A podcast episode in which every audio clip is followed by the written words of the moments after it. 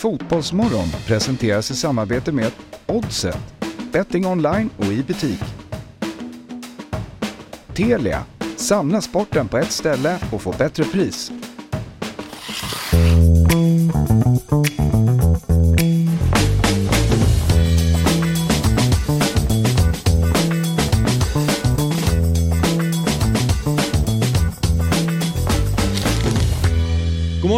Välkomna till Fotbollsmorgon nummer 150 i ordningen. Jag, Axel Insulander, sitter här tillsammans med Fabian Ahlstrand och Robin Berglund. Och det är fredag och det är därför det är lite fart på grejerna. Ja men det är trevligt. lite- Ja, förra veckan var det dock torsdag, men då var det också fart på grejerna. Så det kanske är panelen som gör det. Det tog 20 sekunder innan första fingret var i luften från Fabbes del. Någon gång kommer han lätta från marken och flyga med ena fingret upp i Jag kommer bli han, rattsfären. eh, såg ni där, var det, var det den amerikanska fotbollsspelaren som hoppade så jäkla högt? Ja, Det kommer jag göra den som blir automatiskt. Lilla hoppet. För, Bara för, drar. för alla som lyssnar på det här så är det ju att Fabbe sträcker upp. Han- Du, du snurrar på fingret upp i luften. Och eh, ja, lite Brolinskt eller? Ja, lite så kanske. Ja. Ja. Det är Brolin på vallarna. Alltså det är ju buskis-Brolin. Ja, precis. Kan det bli många sådana idag? Ja, det kan det. Härligt. Eh, Robin, du har eh, som vanligt du har, du har mycket att göra i ditt liv känns det som. Ja. Du har fullt ös. Ja, jag är det- att säga nej. Kanske är det som är Ja. grejen. Men det är därför man blir väldigt glad när du ändå hittar in i studion. Ja, Det är hi här jag, Jag, vill vara jag känner ändå en oro över att nu har han jobbat för hårt. Kanske att han inte orkar ta sig upp på morgonen imorgon. Han, han, han behöver sova helt enkelt. Ja, just det. Ja. Nej, men jag tror, som jag nämnde för er innan, jag tror att det som skiljer mig från många andra är att jag klagar mer. Jag tror alla, många jobbar mycket. Det, här, är- det är ingen fara på taket än. Nej, okej, det är bra. Du får Ja. säga till annars. Ja, det lovar jag. Ja. Tack. För då kommer inte göra något saken. Men det är bra att vi vet det. Kan vi säga vad var det vi sa? Det kommer kännas skönt i magen. Och tack för att du tar din tid och Det, komma hit. det är vi på Robin Berglund enskild firma som ska tacka. Vi får vara här. Tydligt. Men du har rest runt lite och gjort massa grejer i landet. Ja, det, precis, precis. Vi- Vilken, sta, vilken, sta, vilken stad utöver Stockholm eh, gillar du att besöka? Oh. Överlag, alltså som hel, som stad. Ja. Du, Borlänge är underskattad. som Okej. stad. Ja, fina löpspår där runt något vattenverk. Det är eh, bra eh, stand-up. Mm. Det är eh, tillräckligt långt bort för det känns som att man är i fjärran land. Men man kan ändå, man behöver inte offra, man får liksom inte liggsår i SJ-stolen. Nej, nej. Så där, där får man en liten shout. Ja. Har du varit i Borlänge? Ja, en gång. Dalekarlia Eller ja, Cup. fler gånger kanske. Visst, Kan det vara Borlänge? Jag tror att det är det. det låter ju rimligt. Jag måste googla. Men eh, förlåt, vad sa du om Borlänge? Nej, jag har varit en gång. Ja, vad gjorde Eller du? nej, t- två gånger kanske. Men eh, en gång minns jag att jag var där med skolan, gymnasiet. Ja. Hade något arbete där. Ja. Kommer inte ihåg vad det var. Så fråga, fråga mig inte. Love. Är det Borlänge? Oh, det borde man veta. Jag har inte varit där. Borde man veta det? Ja, det är väl jättekänd. Men eh, Peace and Love är i Borlänge. Då är det även Mando Diao och Jussi Björling. Kan jag avslöja. Nu i... Nej, de kommer därifrån. Jaha, jaha, jag tänkte så här om det var för den festivalen är väl inte igång längre tänkte jag. Och Jussi är väl inte med oss längre. Ja, precis, ja, precis men du, det, jag blev väldigt förvirrad. Ska de, de uppträda 20... Att jag drog hela line-up. Ja, jag kan avslöja. Även ansiktsmålning för barn. ja, exakt. Ja, okej. Nu är jag med på vad du menar. Men eh, innan vi går in på våra headlines och sådär. Ja. Mm. Eh, Fabbe, du har varit på bandy. Mm, i onsdags. Väldigt trevligt. Ja. Eh, även, eh, man kan säga att det är Östermalms IP. Det kan man säga. Sveriges uh, Bombonera. Det var, jag tror vi har ett litet klipp på det också. Hur det, hur det bara rullar på där. Där har vi det. Bara, Är alltså- Sveriges Bombonera, det var kval upp till Allsvenskan. För Djurgården i bandy. Mötte uh, Lidköping. Det här är på Eh, Östermalms IP. Exakt. Och uh, Djurgården förlorade tyvärr med 6-5. Uh, ledde med 5-4 till slutet men sen släppte de in två snabba och Djurgården var på väg mot en riktig skräll. Så Djurgården spelar division 1 och nu kvalar uppåt.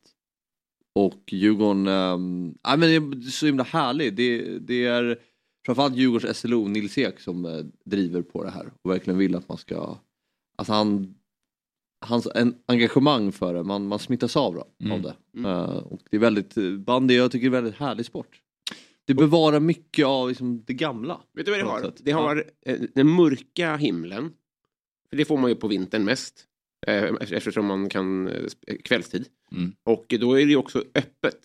Så man kan ha fyrverkerier Mm. Mm. och rök och sånt. Det är väldigt bra supportersport av den anledningen. Precis. Det är ju inte många sporter som har det. Nej. Det är ju liksom eh, backhoppning. Ja, ja Det är precis. att man inte får det. Nej.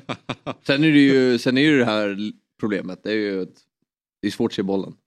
Det är väldigt svårt att se bollen tycker jag. Ja. Jag, jag tänkte så här, det här, alltså nu har jag varit på två matcher de senaste tre veckorna. Mm. Och jag har ju tänkt att det där är bara en grej. Men det är ju, det är ju som att sitta på etage tre i Globen och kolla en pingismatch typ. Ja, det var det vi precis sa i 08 fotboll i, i veckan. Ja det var det vi Ja, sa. ja, ja, Titta det sa det så. Ja, det var den parallellen Kviborg drog och det är ju lite den känslan ibland. Ja. Att, eh, man, man får bara man får försöka förstå strömmen bara. Nu rör sig alla spelarna Ja. åt ett håll. Då borde bollen vara på väg ditåt. Mm. Om Ja. jag säger laser Laser. i bollen. Ja. Är det otänkbart? den, Så att den verkligen syns. Ja. Mm. Ja men någonting bör man ju kika på Ja. att eh, göra. Sen är det klart att den har ju väl, bandyn tuggar väl på. Men det, det är ju ofta, en reflektion som folk drar är ju just det vi säger nu. Det är ingen Det klämrisk på de här bilderna för att smäller upp heller. Alltså det är inte så mycket folk. Nej, nej, det är sant. Det är fler tomtebloss än människor. Ja, nej, nej, de skulle kunna växa. det Ja, går ju att bli fler. Ja, det gillar går, det. det Som går. ser bollen. Det går absolut. Jag, vet, jag, har inte varit, jag har varit på två bandymatcher i mitt liv tror jag, varav en var Tellus Sirius Mm. eh, typ förra året.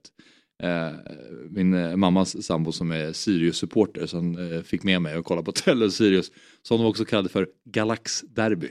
för att det är Tellus mot Sirius. det, är, det är så jävla nice att gå på Galax Derby när det är så här 15 pers på plats. Ja, det låter väldigt mäktigt. ja, ja, det var en otrolig upplevelse. Synd bara ja men det, det är ju ett eh, väldigt, alltså det, pannben hos spelarna. Alltså det är ju det är inga löner men det är ju långa resor. Man har ju här Kalix i, i serien och, och sådär så. du vet, man kan ju, kan ju tänka mig att de inte har de bästa träningstiderna heller. Där på Nej. Östermalms IP. Man är inte först, alltså Nej. första prioritet där. Eh, och ja men det är väldigt kul. Alltså det är um, roligt att gå, gå på. Och, eh, och det tycker jag att man ska göra nu. Alltså att, inte bara just kanske det här fallet, men eh, för, för mig, jag går ju på det här, men att för andra kanske gå på sin, sin lokala... En liten shout till innebandyn eller bara att man Nej, det här är ju inte- support your local team lite grann? Nej, det här är ju absolut inte innebandy, men... Nej, jag sa, ba- sa jag innebandy? Ja, det säger innebandy. Jaha, jag menar Men det bara. Men, ja, nej, men lite så här, gå och, nu när det blir vår och så, gå och supporta lokala föreningen. Det var ju som Fabbe igår, då hade vi Martin Cifuentes och Fabbe började dra paralleller till individuella sporter och nämnde basket. Ja. Men jag reagerade inte Nej. på det, det var ju det var Jo. Jompa som sa Ja, basket är inte en individuell sport. Han, han, han pratade om att eh, ja, men det finns sådana otroliga individualister ute i världen Mm. som har nått så stora framgångar med, med mycket med hjälp av deras professionalism. Mm. Och då tog jag en exempel som Naf, eh, Rafael Nadal och Michael Jordan. Mm. Och då sa jag ju så här, ja men vad har fotbollen att lära sig av det typ i träning och så här när det kommer till från individuella sporter, ja men som du nämner, typ tennis, Mm. basket. Mm. Den- För mig är det fortfarande mer individuell sport än fotboll. Basket Ba- ja. ja. ja, jag håller helt med. Så att jag förstår, du är på- du är på rätt sida om fotbollen, men du har fel i sak. Då. Ja. Ja, jag har ju jättemycket fel. Ja, 96 procent fel. Ja. 4 procent hatten av.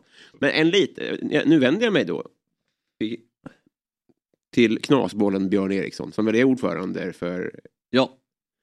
Nu, nu vill jag att vi... Nu, nu, nu heter det samma sak för högsta ligan i alla sporter. För det är för förvirrande. Om det är kval för allsvenskan, då måste jag tänka jättelänge. När, när jag såg jag sist Sportnytt där de pratade om bandy, är det bra då? Ja det är det, för det är bandyallsvenskan. Elitettan och det är alltså, SHL och det är allsvenskan. Det är för förvirrande. Nu spikar vi att alla högsta ligor heter samma sak. Bra. Man vet, och framförallt när, när det heter allsvenskan som andra ibland också. Ja. Hockeyallsvenskan. Ja, men, ja. Hur ska min lilla hjärna ta in så mycket information? Nej, jag håller med. Ja. Det är jättebra. Och sen heter ju alltid tredje divisionen typ division 1 också. Ja. Eller hur? Och det är ju bra. Men... Det kan Eller menar du heta att du- tredje divisionen. Ja, ja, det hade ju varit logiskt. Men det är för mycket begärt i det här Ja. landet. ja. Ja, Logik sysslar vi tydligen Nej. med. Det, det har man ju släppt. Ja, nej men det är en bra, det är en bra spaning. Ehm, jag tänkte att jag skulle bara presentera vad vi ska göra idag och ehm, vi ska prata med Gustav Granat som är back i Degerfors. Ja. Vi ska prata med Robin Karlén som är tränare för Tyresös damlag. Vi ska prata med Tim Rönning som är målvakt i Elfsborg. Och 08.00 då kommer Daniel Kärna Kärnström på besök. Mm. Och gästar. Sitter med Perfekt. Stockholmstid. Väldigt... Ja, ja, ja, ja Mm. sant. Tänkte jag inte på. Ja. Du, du känner, även om du inte håller på AIK så var du inne på att det här är ändå en stor spelare för det var så här, under den perioden som du själv kanske följde fotbollen som, som mest Nej, det, inte, när det var inte med för- formades kanske. Exakt, formades Ja. ja. bra beskrivning. Ja, alltså jag tycker att det är, vi pratade lite om det innan, Mm. att det är otroligt, alltså att man känner att det är någonting väldigt stort när den typen av spelare kom, eller kommer hit, Mm. eh, med tanke på hur stora de var i den åldern för mig. Mm. Hur man, jag, jag är djurgårdare men jag kan ändå så glorifiera de spelarna som var aktiva under den perioden. Nu var ju han aktiv ganska länge, han var aktiv sen till 2013 va? Mm. Eh, Och bakåt också, så jag såg en sån här Degerfors-bild. När, alltså, som måste ha varit från 69 eller något. där, där var han med. ja. Jävlar vad länge han har lirat alltså. Mm. Ja, men jag tänkte typ när man är 11-12, det formar ju mycket ens fotbollsintresse. Och just de spelarna, och även innan dess, men de spelarna som var aktiva då är ju väldigt stora för en. Jag vet inte hur... Jo, nej, men, du så, är känner, men- Jo, men så är det absolut. Eh, det ska bli, det ska bli Mm. mäktigt att få prata med Kärna. Speciellt med tanke på att han alltid har hållit ganska låg profil också. Ja. Få höra honom eh, prata själv om, om sin karriär och, och vad han gör idag och allt möjligt. Mm. Men eh, lite headlines då, det senaste i fotbollsvärlden.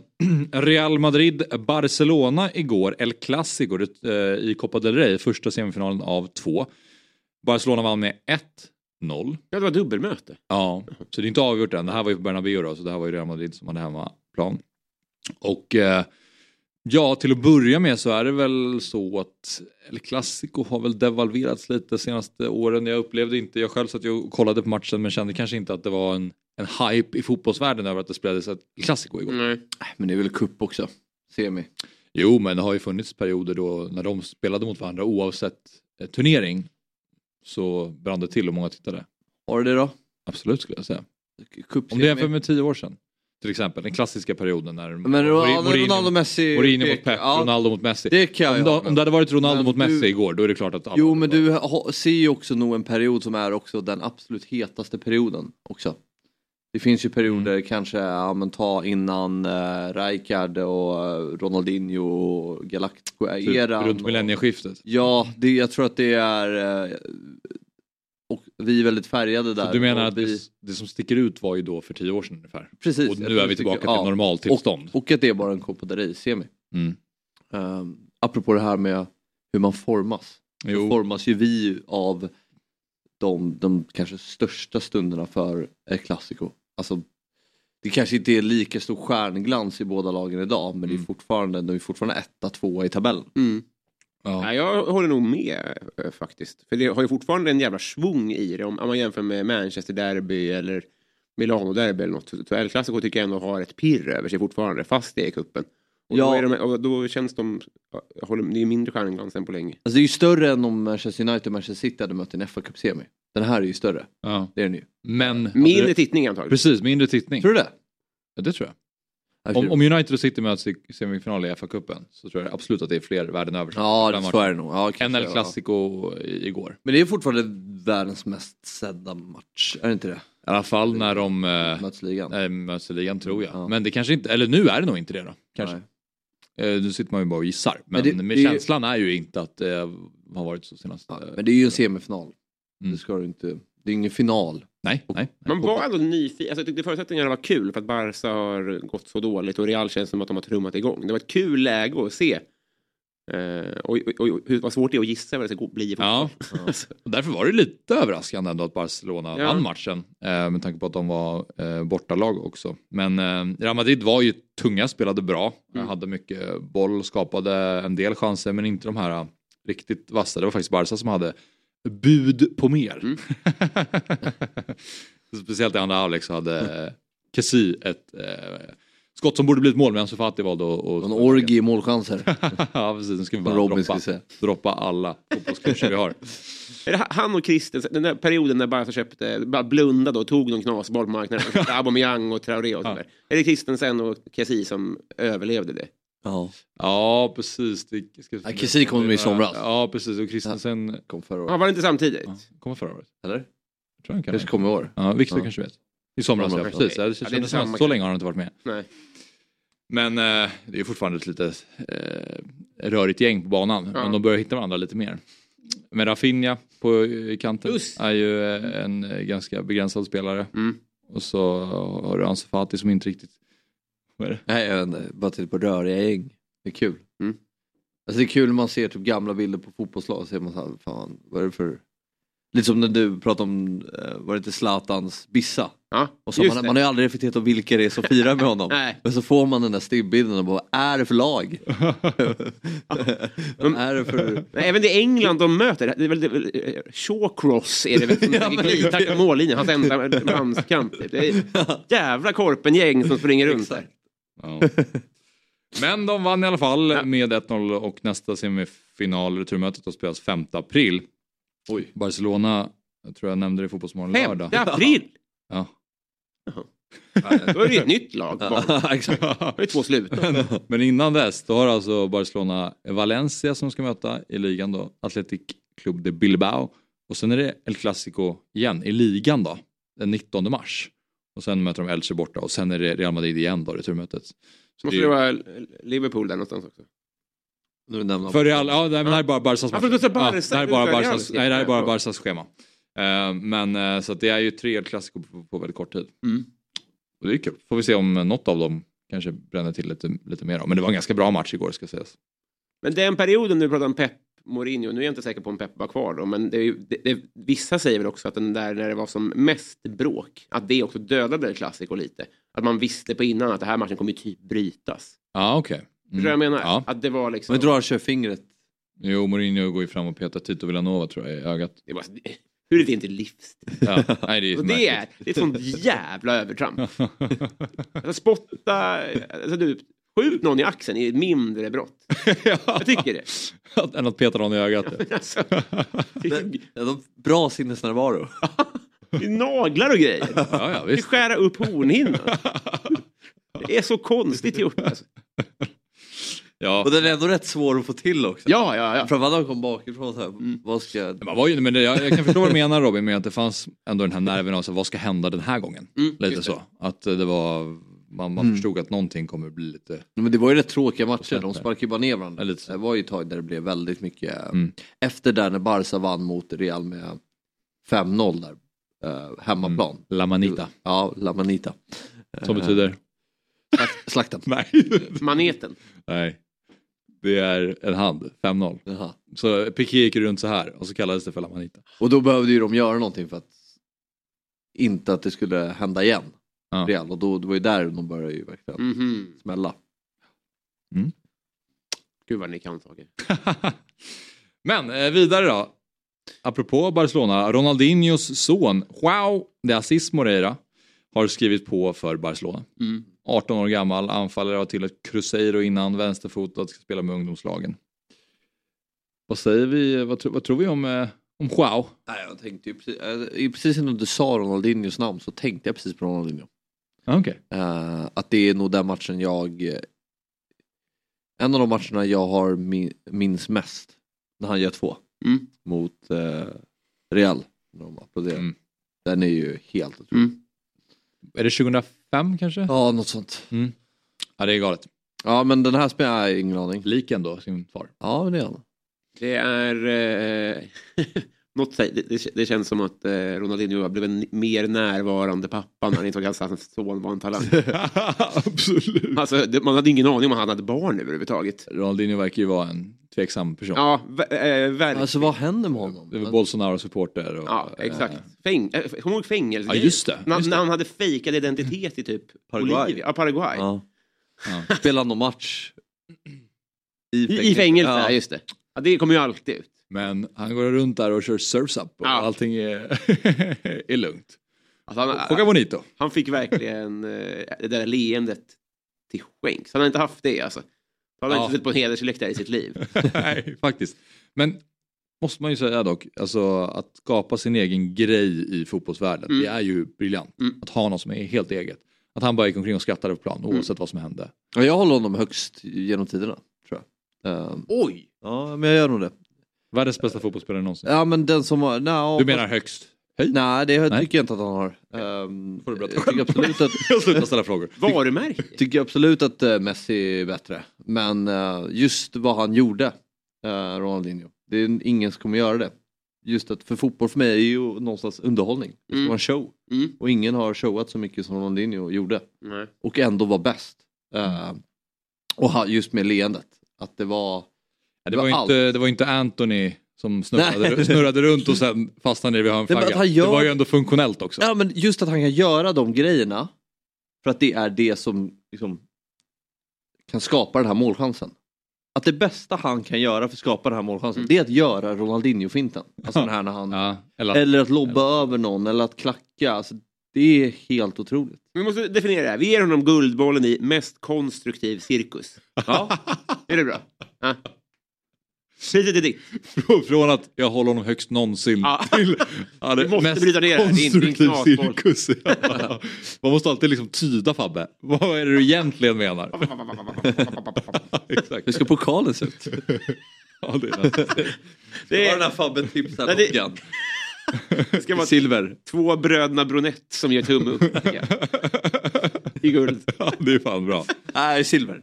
Okej, ja. Det ska inte kännas, det ska inte vara guld i... Okej. Men eh, från Ronaldinho och Barcelona till Halmstad. Ja. Eget är kort. Det är det verkligen. Halmstad rankas som världens mest stabila fotbollslag i eh, CIES Football Observatories nya mätning. HBK är den klubb som haft lägst antal spelare i truppen över de senaste fem åren. Vad i helvete. Man tänkte så här att det skulle komma upp massa, men det är ju jättebra lag där uppe. ja, oj. ja, det Alltså för er som, för er som lyssnar då så har alltså HBK etta, tvåa Manchester City, trea Athletic Club, trea Gladbach, Liverpool, Leverkusen. Vad pågår? Otroligt rolig lista tycker jag. det är jättekul. Med alla de här lagen, Ja. Leicester, Real, Napoli, så har vi Halmstad etta. Ja, jag tycker den, det gör någonting med mig verkligen. Fan, man, det här är roligt quiz. Man tar ut topp 10 här och så visar man det för någon. Så här, vad är det här? Ja, Vad pågår det här? Det är en bra quiz att leta idé. Vad är ämnet? Ja, visst Så är här, det. Gissa listan. Och då kan det vara så. Var det, där La kul? det var Liga jättebra. Det var ju 2007. Den det här, var är garva dock, så att det var världens roligaste. Det var en jättebra idé. Ja, det är ju Ja. jättekul. den här är dock helt omöjlig. Helt omöjligt. Ja, helt omöjligt. Om man tar bort spelare... Ja, nej, för, Ja, du får inte se. 22 spelare senaste året. Ja, senaste året bara för sig, men Ja. Nej, det går inte. fem år, 44 spelare. Men det är ju, när man tänker på det så är det ju exakt samma lag som åkte ur Allsvenskan för två säsonger sedan. det är, Flest betalningsanmärkningar per spelare i en topp 30-liga 2017. Det tror jag att det är. ja, det är skulle man få rätt för det? Ja, Men det är ju lika bra gissning. Det är lika rimlig Ja, gissning. ja, Spelare som betalat medlemsavgiften. Man få rätt för det? Snällas Axel mamma. programledare. Skulle du få rätt för det? Jag kan inte för det. Nära! Nu är spåret. Tusen gissningar till. Sen har du det. Du är där och nosar.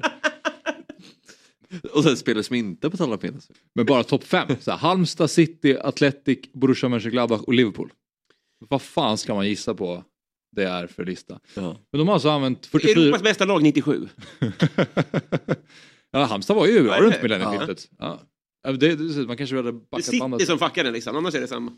Just det. Men eh, 44 spelare de senaste fem åren, vad, vad, vad säger det för någonting? i alla fall?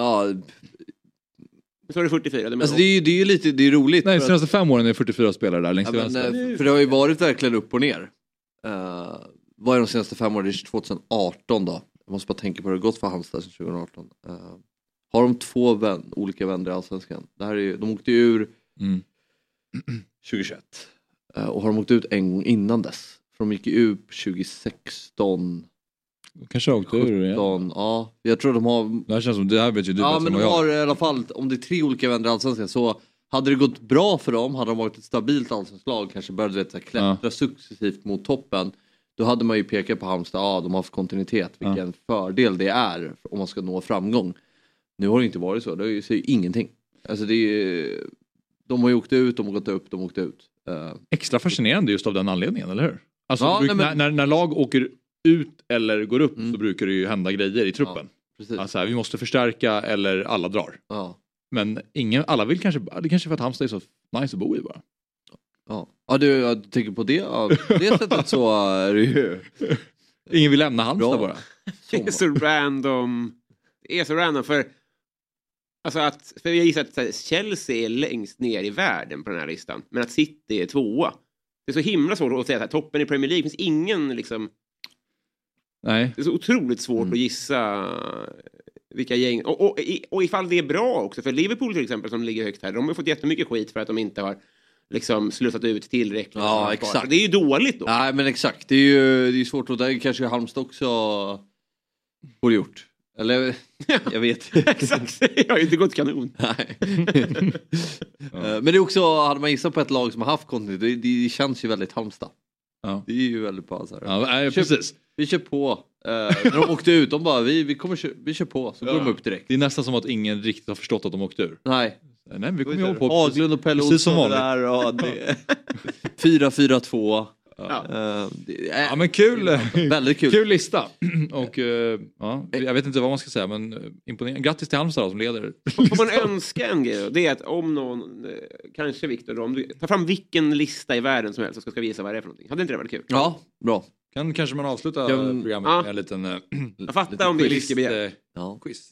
Men jag, jag tänkte på det för några dagar sedan att i fotbollsvärlden snackas det om att det finns ingen lojalitet längre, spelare bygger eller eh, byter klubbar till höger och vänster och det finns inte de här Totti och trotjänarna kvar. Mm. Men samtidigt tycker jag att det känns, när man tittar på folks karriär idag, spelares karriär, så tycker jag att det är, man får känna som att de stannar längre idag. Kolla typ en sån som de Gea. Mm. Han har ju så här 10 plus år i Manchester United. Mm. Luka Modric Mm. bara tuffat på i Real Madrid.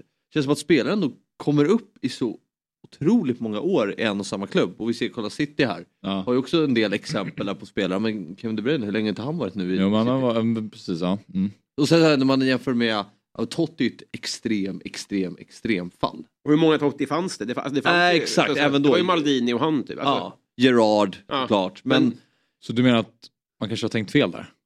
Att, att spelare stannar längre än vad man tänker? ja, Eller eller jag, jag, jag tycker det i alla fall. Ja. Jag tycker... Och Chelsea skriver åtta års kontrakt. Ja, Klaga precis. folk för. Kommer ju aldrig komma därifrån. ja precis, vad fan nu har ni chansen att bli klubblegendar. Ja. Men innan vi pratar med Gustav Granat då, sista, en sista eh, del i våra, vårt intro och headlines-paket här och det är att eh, Fabbe du har varit inne på att du har hittat lite irriterande rubriksättningar. Nej, men jag vill inte säga irriterande men Nej, det, okej. det är mycket, mycket frågetecken. Okej. Ehm, och det här är inte så här att, att jag vill rikta kritik mot sajten eller mot skribenterna. Eh, jag uppskattar många som jobbar där. Men det är fotboll direkt och när de lägger ut saker på Twitter Mm. tycker jag är ganska intressant. Mm. Och jag, jag är lite intresserad av vad ni känner det här med eh, captions Mm. och clickbait som är alltid så het potatis. Eh, hur man lockar in läsare. Och då fick, hittade jag ett exempel igår eh, på deras Twitter. Där det står just nu på FD är Djurgården för snälla. Bosse Andersson har jagat härdade karaktärer men markerar nu att det är skillnad på det och ren grisighet. Mm. Just nu på FD, bad boys aura, inget för Bosse Andersson. Och då är jag så här, det första jag frågar mig, är det en intervju? Ingenting indikerar på att det är en intervju. Nej. Eller det gör ju det, men ändå, det finns ju inget citat. Bad boys aura, det är ju alltså, eh, det är ju, det är inget han säger. Nej. Eh, Ja, det är ingenting han säger. För det framstår ju som att det, är- att det är så här, att han skulle ha kunnat ha sagt det. det, det ska, I så fall är det ju fel för att bad boys borde man väl inte skriva i Nej, alltså, citationstecken. jag skyddar ju inte dem. Utan Nej, bara, men, men, alltså, det, det borde ju vara ett citat. Men man är ju ändå jag vet inte hur ni det, känner. När de säger att det inte är någonting för honom då kan man ju tänka sig att han har sagt att nej, Bad Boys är inget för mig. Jo men har de gjort intervjun? ja. Är det ens en intervju? Ja, precis. Jag tycker den är förvirrande. Ja, den är jätterörig. Jo tack. Det är också, just nu! Då är det ju så här, någon har dött. Ja. Men det här är ju det är väldigt lite släppa allt och, och gå in på sajten. Alltså det, det skulle kunna läsas i maj. Om Ja. det gick aktuellt. Just i den där sekunden är Djurgården för snälla. Men sen är det inte aktuellt längre. Två, två minuter senare då är de tillbaka på lagom nivå. I news. Det tjuter i hela huset. Men då, då, då, då frågar jag er. Lockar ni er att klicka in er på sån här när ni blir förvirrade? apropå... Jag måste bryta ner den här. Just nu, är Djurgården för snälla frågetecken? Ja, det tar Andersson, Bosse Andersson har jagat härdade karaktärer men markerar nu att det är skillnad på det och ren grisighet. Alltså nu, om man inte bara tar det här är bara ett exempel. Men om ni blir lite förvirrade, som man kanske blir det här. Jag vet inte om det är en intervju. Alltså, jag, Jag vet inte om det är en skulle vilja krönika. Vem ställer frågan? Jag, jag vet inte. Det är det här jag undrar. Och därför undrar jag er, eller frågar er. Klickar ni er in på det här för att det är förvirrande? Alltså det finns väl någonting clickbaitigt i att Bosse ska gå in och prata om skillnader på härdade karaktärer och grisighet. Mm. Det är så här, ja det kanske man känner så här, ah, okej, vad- eller spännande, men vad vill Bosse säga med det? Ja. Och det är clickbaitet, men det är ju som du säger, för i min bok är det lite för rörigt, det är det här just nu på FD, just nu på FD där nere och sen är det också så här, fotboll direkt kommer in där nere också. Som, alltså det är så mycket information att man måste sortera. Mm. Det känns också som att vi som har ett kort attention span som scrollar ens Ja. flöde så här fort, då måste man ju få den informationen snabbt och förstå vad det är snabbt också. Mm, exakt. då scrollar jag ju förbi det här. Ja. För att det jag är- inte orkar ta mig an vad det faktiskt står. Ja, Det håller bra. jag med om, men å andra sidan så sticker det här ut i ett flöde där allt är likadant. Ja. Jag bara säga en, en intressant, bildvalet här, varför är det två bilder? på det är också en bra Det är fråga. lite faktiskt. onödigt. Det skulle kunna vara... De är ganska lika de här bilderna. Att det känns som att de inte hade en, eh, liksom, En bred. en bred bild. Så, jag, vet, jag tar två. Det känns onödigt. Men Men tror du att det är en strategi? Är det medvetet att göra bara förvirra folk? För det, är, det här är inte första exemplet som är lite men- du rörigt. ska få fortsätta, men jag måste få dra ett kort exempel. Jag var på, när jag Ja. var på eh, turné i våras, då var jag i Helsingborg. Så var det ett sånt kollegieblockpapper. Och sen så var det då eh, såna här s- snipp, så man kan dra av ett mobilnummer. Och så stod det bara en sifferkombination. Det stod så här, eh, 318, stod det stort på kollegieblocket. Och så var det ett mobilnummer. Så här. Jag bara, fan vad konstigt, det här måste ju vara någon så här eh, svensexa-grej eller något, någon ledtråd eller någonting, skitsamma. Åker till Kalmar, då är samma lapp där, i en annan stad. Och så sitter det en till gång i Kalmar, alltså, liksom på flera Ja. ställen i staden. I tredje stan jag kommer till. Nu, det här är så konstigt. Vad är det här? Det står ju bara 318. På en lapp. Ja, vad är det här för reklam? Det är ju hur förvirrande som helst. Det här hjälper ju ingenting. Så då tar jag en lapp, ringer det här numret. Eh, för jag, jag, jag Jag måste panik. förstå. Ja. Då kommer jag till Välkommen till Fotboll Direkt. Välkommen till Konstfack. ja, det Då det. kommer en mobilsvar som säger så här. Hej, den 31 augusti så är det trädgårdsfestival i Helsingborg.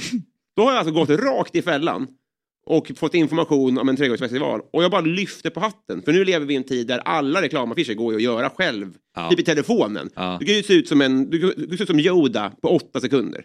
Det är inget svårt att göra en spacey affisch. Men den där, det, är helt, det, det är det här. Det är mystiskt ja. Jag tänker utanför boxen och ha Mm. två bilder och inte veta om det är ett citat, om det är en intervju, om det är en ledare. ja. Det sticker ut på så vis. Att, Ja. Och det tyder på att jag hade ju klickat då.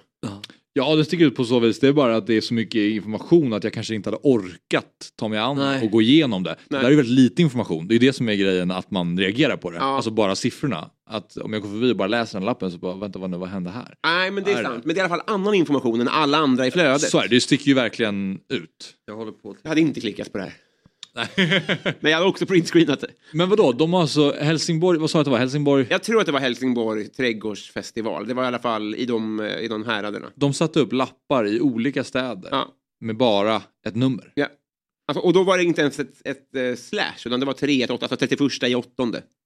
Aha. Da- Datumet. Det var det som, som den här sifferkombinationen stod för. Aha. Va, Hinner du ta bara snabb? Ja. Eh, just nu på FD, ger en krass och ärlig bild kring det nya AIK han vill bygga.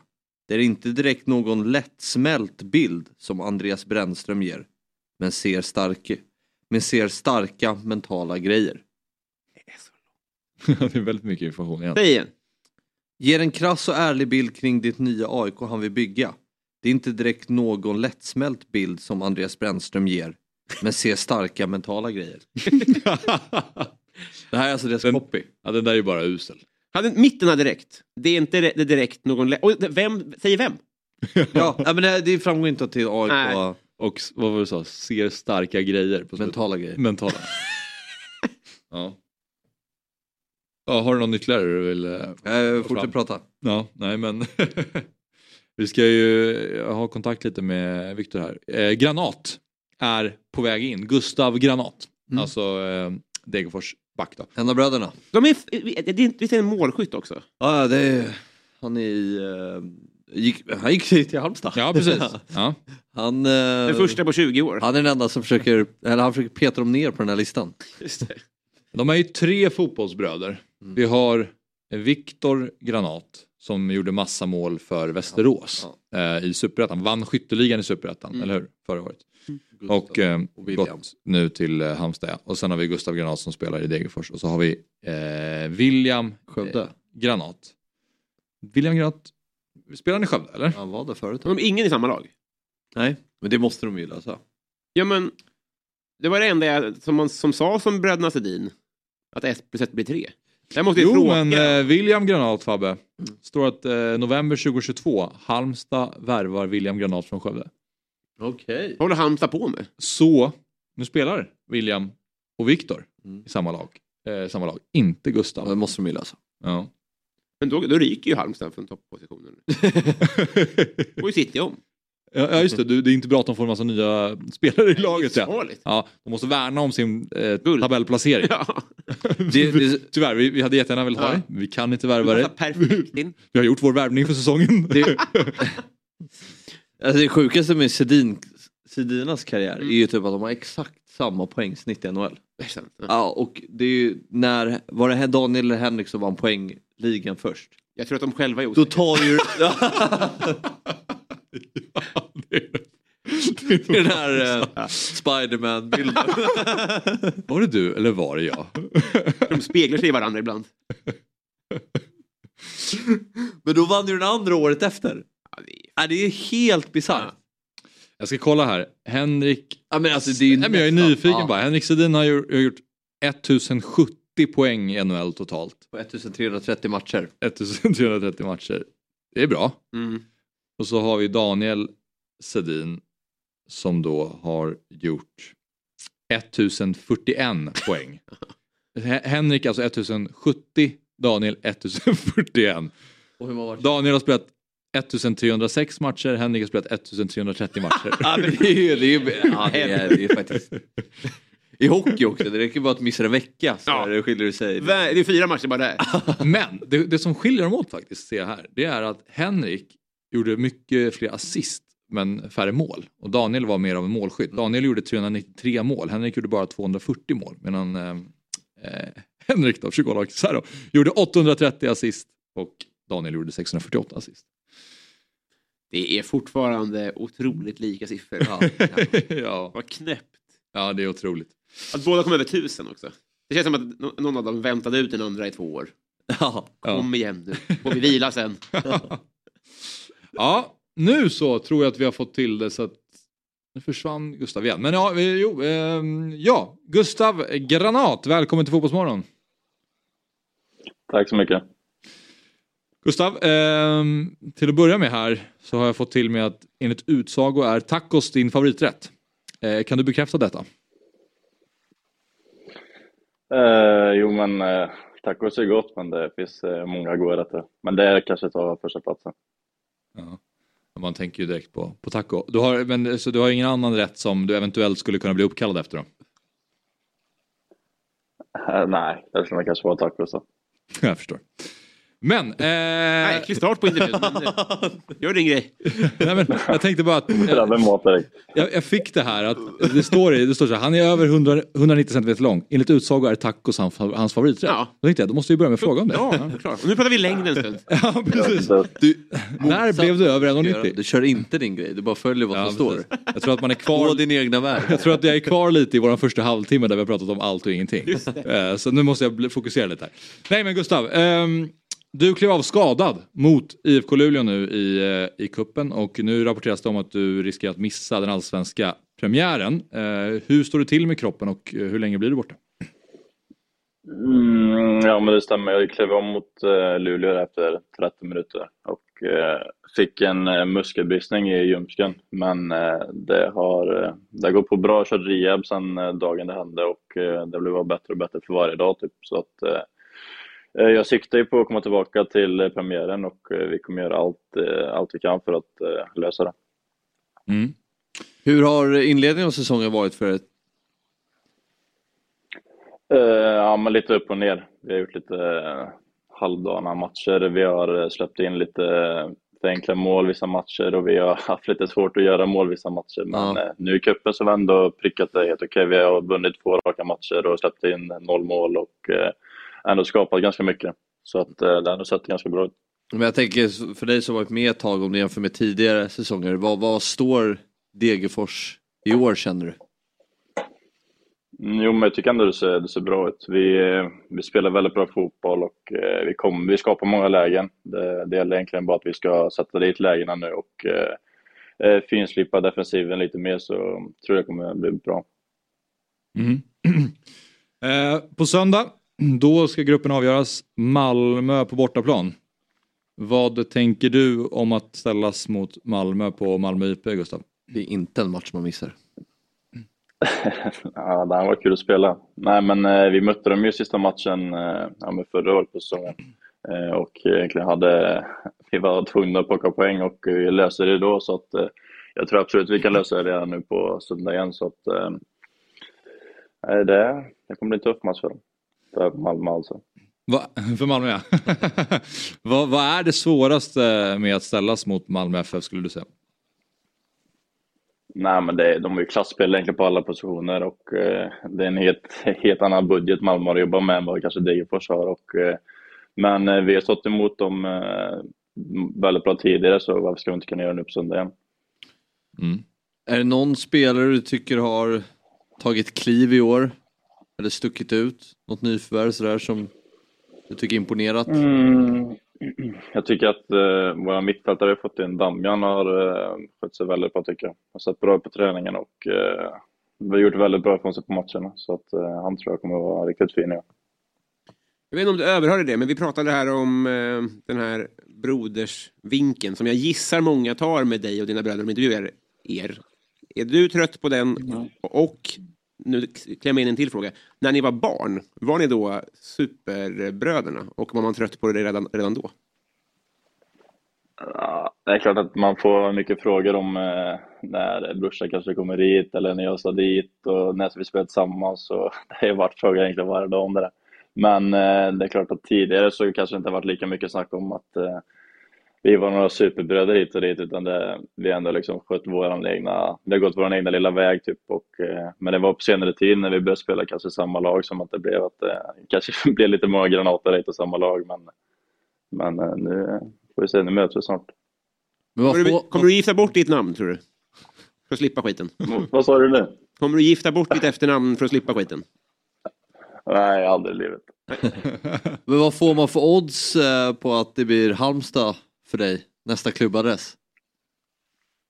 Nej, men det, det, det är klart att eh, jag trivs jäkligt bra i Degerfors och eh, Halmstad är ju en eh, konkurrent till oss kanske i eh, nedre delen av tabellen så att det kommer bli krig mot dem men eh, jag trivs väldigt bra i Degerfors och eh, jag, eh, det är så mycket till att jag ska härifrån. 1,68. Men eh, Men då kanske de tappar sin första plats dock. Vi snackade lite om eh, Just. Halmstad toppar en världslista. Kan du gissa vad det är? Tvåa City. Tvåa City. trea Gladbach, fyra Athletic Club tror jag. Inte en blek alltså. De har, vad var det, minst rullians på spelare de senaste fem fem åren. åren. Ja, De har minst antal spelare i laget Oj. sen, eh, vad blir det, 2018 eller något sånt där. Mm. Ja, det är en Rätt- jäkla stabilitet i Halmstad. Men ja, eh, du var inte besviken på Patrik Werner då när, eh, när han inte lockade över Viktor till er? Ja, lite kanske.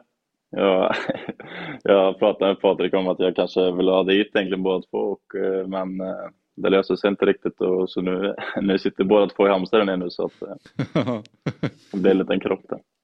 Ja, jag förstår. För Viktor eh, var ju stekhet i Superettan eh, förra året och vann skytteligan eh, med Västerås. Vad, vad, vad säger du om hans utveckling?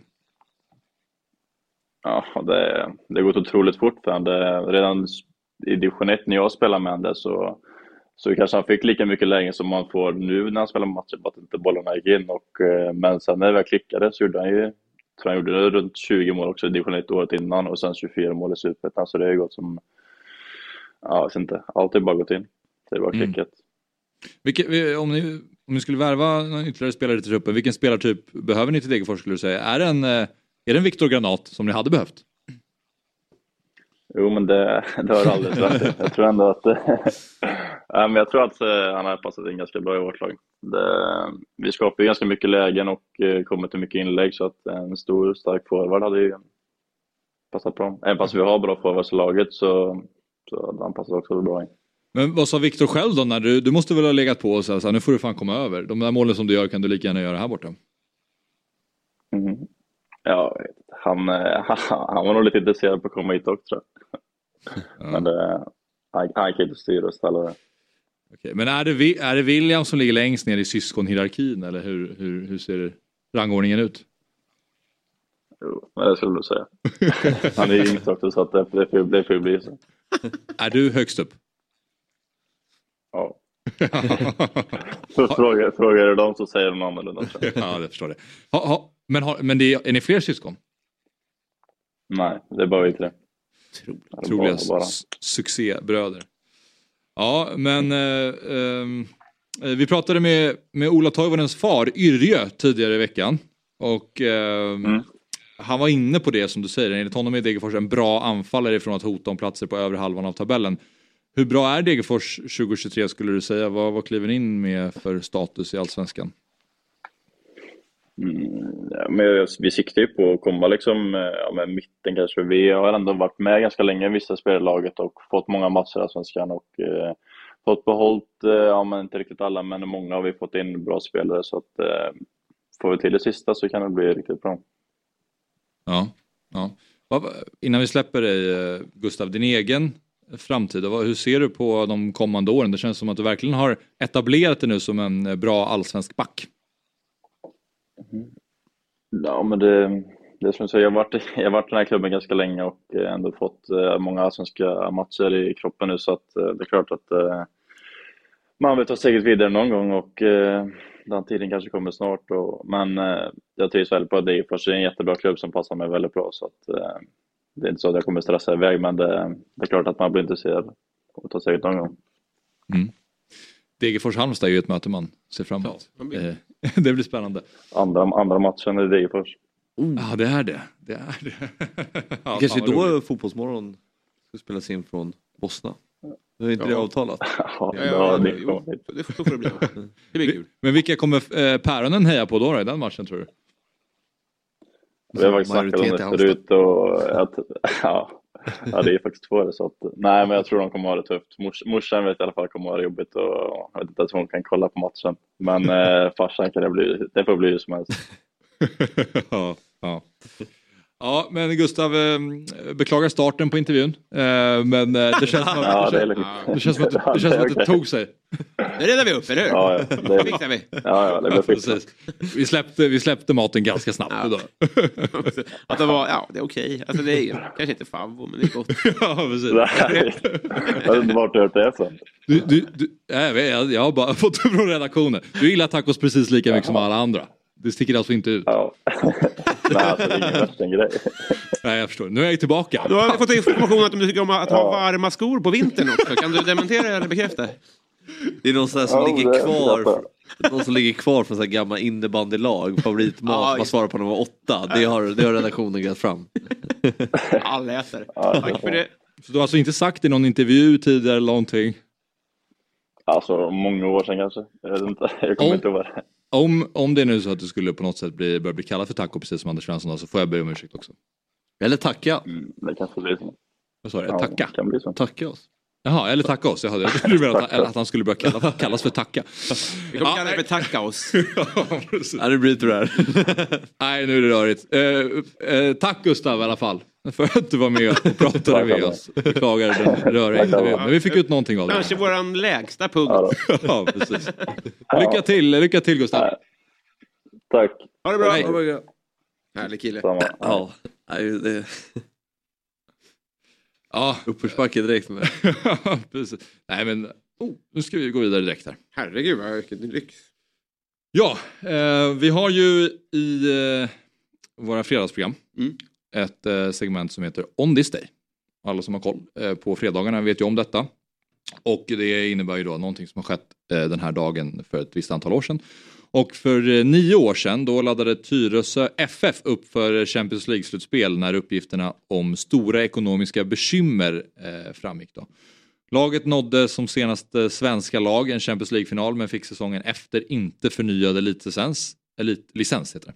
Stora ekonomiska problem till följd av höga löner till stjärnorna och bristande sponsorer ledde till sist till att klubben försattes i konkurs sommaren 2014. Och vi har sökt representanter från laget 2014 men samtliga har avböjt att delta. Eh, så då gick vi vidare då i eh, åren och 2015 återstartade Tyresö i division 2 och de senaste säsongerna har laget varit ett topplag i division 1 och knackat på dörren till svensk elitfotboll.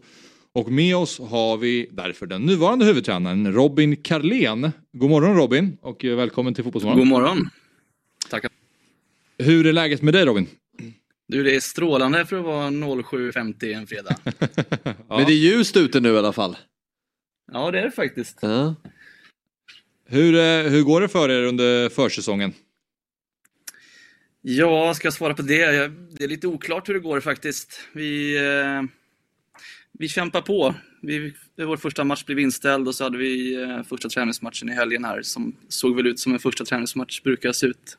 Ja. Lite, lite rörigt men ändå, vi är på rätt väg. Mm, mm.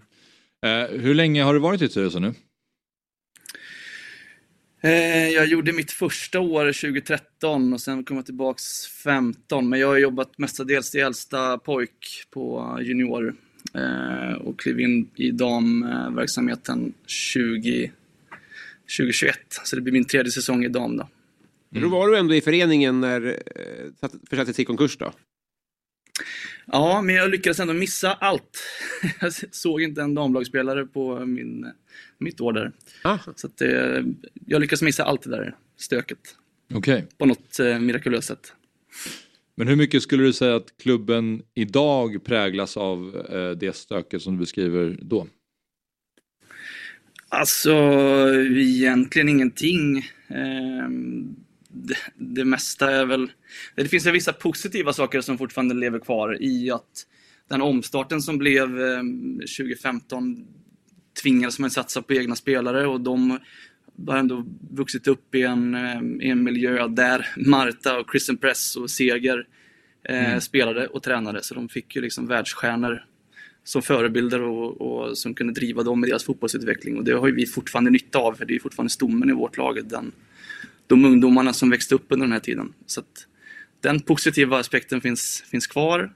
Ehm, sen så dyker vi upp i sådana här sammanhang titt som tätt. Att någon, någon från föreningen får prata om, om någonting bara för att det hände saker för en massa, massa år sedan. Så att vi, eh, vi syns och hörs, så det är väl eh, positivt.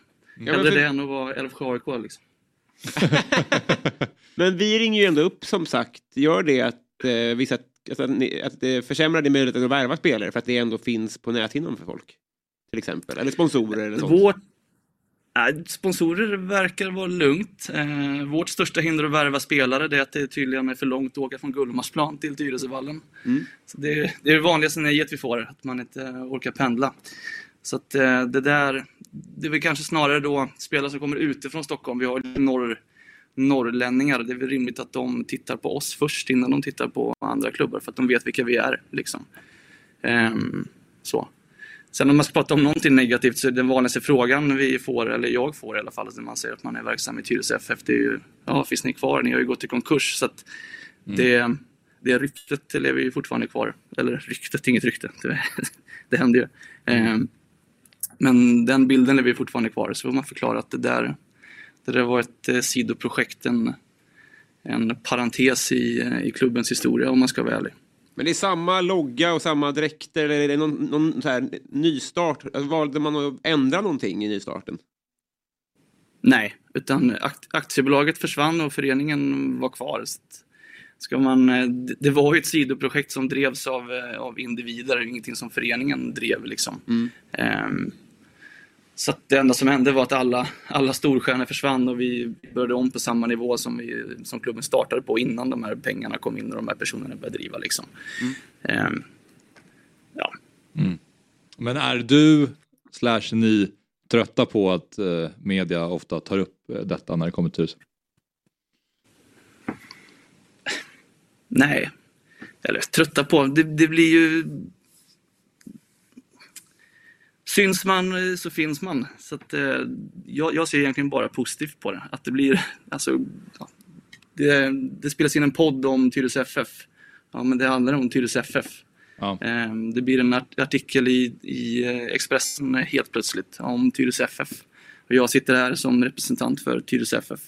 Eh, så att, det ser jag som positivt. Vad har ni för målsättningar nu då, kommande åren? Ja, det är lite oklart. Klubben i sig har ju ingen eh, resultatmålsättning vare sig för oss eller för eh, herrverksamheten. Utan klubben vill att vi ska fostra egna spelare till våra seniorlag. Eh, och att vi ska göra det så pass bra att vi, att vi når sportslig framgång genom det. Eller att vi, som vi varit duktiga på på damsidan nu, att vi fostrar elitspelare via vårt, vår seniorverksamhet. Eh, Så ut, utmaning för oss som är i damlagsverksamheten nu, det är ju liksom hitta balansen där. Okej, vi ska fostra egna spelare som tar klivet upp, men vi ska också få det liksom att kitta i någon form av eh, resultatmässig framgång. Det har inte nått hela vägen fram om man tittar de senaste fem åren, utan vi, vi är nästan där och så är det någon spelare som blommar och så går hon till Djurgården och sen så måste vi börja om och så fostrar vi nästa och så blommar hon och så Mm. eh, går hon till Bayern. Eh, så det vore ju fint om vi kunde behålla någon av dem ett år så vi kanske har två stycken sådana här high potential-spelare samtidigt eller om vi eh, är skickliga nog att fostra, eh, utveckla flera spelare samtidigt så att vi kan få en sportslig effekt på det. Mm. Det låter som att, ändå som att ni försöker jobba lite mer långsiktigt då, tolkar jag rätt då? Absolut, absolut. Sen vore det ju, det vore ju fint om någon kunde komma med 12 miljoner igen och skulle seger på mittfältet. Jag ser vad vi kan göra. ja precis, vi ska se Ja. ja. fotbollsmorgon. Dra i lite trådar. ja, det ska vi göra. Men eh, division 1 på damsidan har förändrats eh, lite. Det är sex, det, eh, sex serier med 12 lag har blivit tre med 14 Mm. lag. Vad säger du om den förändringen? Det, eh, äntligen kan man väl säga. Det, pratar man utveckling så att åka och, och möta Sätra på en för liten bollplan och vinna med 8-0 är ju inte jätteutvecklande eller inspirerande. Så nu, nu blir det ju äntligen liksom fotboll på riktigt. Eh, det är ju bara topp 5-lag från de gamla division 1-serierna som nu ingår i de nya division 1-serierna. Så det, det kommer ju bli en konkurrens på en helt annan nivå. Eh, sen svårigheten i det, var, var står vi i den nya konkurrensen? Vi vet var vi stod i den förra. Hade ni frågat mig i, i den gamla konkurrensen vart vi står, där hade vi varit ett topp tre-lag. Liksom. Vad, vad är vi nu? Är vi fortfarande ett topp tre i en ny konkurrens eller är vi topp åtta? Eller är vi, jag har ingen aning. Så det ska bli eh, jättespännande. Mm, spännande. Vad, eh, vad är dina ambitioner då själv eh, som tränare? Jag vill ju så högt som möjligt såklart och jag ser detta som en jättebra eh, verksamhet att vara i nu i ett, eh, i en seriös, ett seriöst lag med seriösa spelare med en bra mix med spelare som har spelat på högsta nivå och spelare som vill spela på högsta nivå och en förening som, som pushar mig och ger mig stöd att, att utvecklas och göra det jag vill. Eh, så, men ambitionen är ju att, att gå högre antingen med föreningen eller att föreningen blir en språngbräda för att jag ska gå högre själv. Liksom. Mm, mm. Ehm, är det någon av spelarna som var där, om de, av de större namnen, ehm, som har varit eller funderat över att, att, så att säga, vända hem och kanske varva ner i, i Tyresö senaste åren? Den bron är nog inte bara bränd, den är nog sprängd och eh, återvunnen, tror jag. ja, där är det över. De skildes väl inte som vänner riktigt. Nej. Så. Nej. Sen, ja. sen, men sen har vi ändå, det är ändå personer som varit, var verksamma där som ändå har bidragit på något sätt. Mer kopplat till personliga relationer, som att vi var på någon utbildningsresa i, i Madrid för massa år sedan. Men då var det Vero Bukette som, som höll i den. Inte för att hon kanske kände någon lojalitet till föreningen som svek henne, men personer i föreningen var ju fortfarande kvar som hon hade relation till. Jag har fått en jättebra relation med Tony som var tränare till exempel. Så han Mm. pushar mig och hjälper mig mycket. Så att det, de, de effekterna finns kvar, men jag tror ingen, ingen spelare kommer vi se röken av. Nej, okej. Ja, vad tråkigt. Men jag försöker alltid att i någon mån försvara Östersund. För att det, är så, finns så mycket, det är så tajt åsiktskorridor där. Man ska hata Östersund och sätta upp klibbor överallt på grund av deras ekonomiska oegentligheter. Jag vet inte om de här sakerna går att jämföra. Men kan inte du... Kan, kan man ge oss den positiva sidan av det där, den där perioden? Alltså, på samma sätt som Graham Potter var ju objektivt en bra tränare i Östersund. Ja. Eh, pengar eller inte. Vad, vad var det som funkade om man tar bort fusket? Mm. Vad var framgångsfaktorer? Kort fråga. Eh, ja, men framgångs... Ska man översätta det till herrfotboll så Messi var i Sverige, som Marta spelade i Sverige. Mm. Eh, Christian Mess var i Sverige, Caroline Seger var i samma lag, Sembrant var i samma lag. Det var ju liksom ett Galacticos Ja. eh, som skapades med så små medel ändå. Eh, och den, den effekten det fick på eh, flick, flickfotbollen framförallt runt omkring. Med att de fick de här eh, stora förebilderna, stora namnen som förebilder som nära inpå eh, var ju positivt för oss men också för klubbar eh, och spelare runt omkring. Liksom. Eh, så det, det tycker jag var, är en, en positiv sak i det här. Men var det också Så. en dödsstöt för många flickfotbollskarriärer också där det här luftslottet sprack? Var det folk som la av i sorg? Nej. Det, det, det vet jag inte. Nej, inte. Eh, men men bara, bara från vår eh, organisation, så, dels så blev vi de ålderskullarna som var i en relevant ålder under den här tiden. Det blev en bra ålderskullar. Eh, Det finns ju Rytting Kaneryd var ju en sån till exempel. Pauline Hammarlund var en sån som var här. Eh, Så att för oss och spelare i, i vår organisation så var det bara positivt. Sen att de försvann, ja men då, då fick vi 20 nya A-lagsspelare på eh, två sekunder liksom. Ja men Robin, eh, stort tack för att du var med och stort lycka till eh, framöver. Tack själva, ha det bra. Trevlig helg. Hej! Tja tja. Så. Ja, vi eh, går direkt på en kort paus. Och när vi är tillbaka, då har vi Daniel Tjärnström i studion.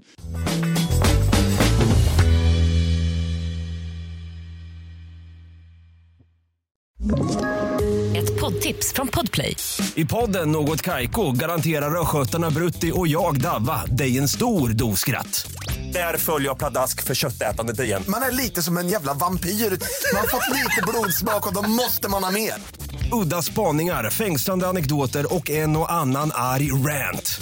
Jag måste ha mitt kaffe på morgonen för annars är jag ingen trevlig människa. Då är du ingen trevlig människa, punkt. Något Kaiko, hör du på Podplay. Därför är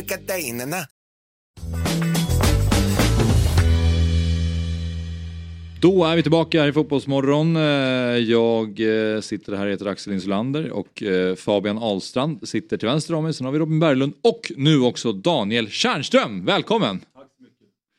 Jag sa till Fabbe att den där muggen, den är nästan inte okej att ha längre i studion. Djurgårdskoppen. Nej, men jag, jag har stor respekt för Tjärn.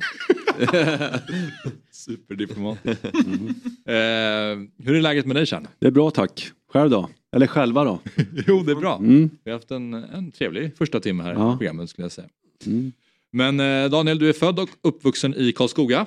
Eh, de första fotbollsskorna snördes på i Bråtens IK. Eh, Proffskarriären tog fart i Degerfors och sen Örebro. Och sen 1999 så flyttade du till Stockholm och till AIK. Och där blev du sedermera evig kung i de svartgulas värld. Det här, det är väl fint? Känner du dig som eh, evig kung i de svartgulas värld? Nej, det gör jag inte. Jag tänker inte på mig själv i de termerna men eh, det, det, var, det du radade upp det var ju korrekt. Ja. Eh, Min, alltså vilka anhalter jag hade på vägen till AIK. Ja, ja. Ja. Ehm, hur, ehm, vad, vad gör du idag till att börja med? Jag jobbar på ett gym i, i Bromma. Okej. Ja. Ja. Som tränare och lite, ja, ja vad ska man säga, ta hand om den dagliga driften där kanske. Ja. De dagarna jag är där. Ingen fotboll? alls? Ingen fotboll alls. Ingen fotboll alls. Nej, det var länge sedan. Inget som är su- äh, någonting som du är, du sysslar med? Ja, jag vet inte.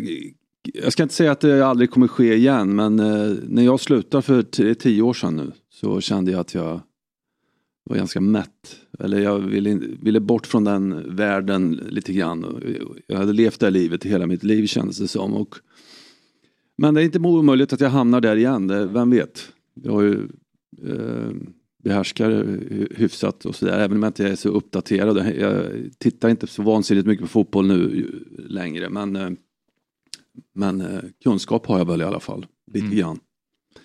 Eh, Hur såg du på tiden efter fotbollen de sista aktiva åren? Alltså, vad hade du för tankar vad du ville göra? Och sånt? Nej, jag visste inte, jag visste inte det. Jag höll på så länge jag kunde, jag var 39 när jag slutade och, och eh, nej, jag, hade, jag hade, det är väl många som eh, känner så tror jag, Mm. inte riktigt vet vad de ska göra istället. Så jag trevade mig fram några år där, visste inte riktigt vad jag skulle göra. Och så hade jag sparat lite pengar så jag hade jag ska klara mig och sådär ett tag. Men eh, ja, till slut så hittar man rätt. Mm. Det ordnar sig. Ja. Mm. Jag hade inte, ja, det är en annan fråga som man borde prata med någon annan. Var inte så den tiden. Men det borde ju finnas utrymme för syokonsulenter. Det känns så himla ofta att Ja. folk inte tar tag i de där frågorna under karriären. Och sen så... Ja, men samtidigt är man ju man är ju vux, det är vuxna människor, man får väl ta tag i det där själv lite grann. Jag, var, jag var väl lite naiv kanske också. Eh, plus att jag var lite villrådig sådär, jag visste inte vad jag skulle ersätta fotbollen med. Det var ingen, ingen deprimerande eh, tid men eh, det var lite, eh, ja, visste inte riktigt vad jag skulle göra som sagt. Men eh, testa lite olika saker och sådär. Vad var det du kände att du ville bort från, alltså kring fotbollen?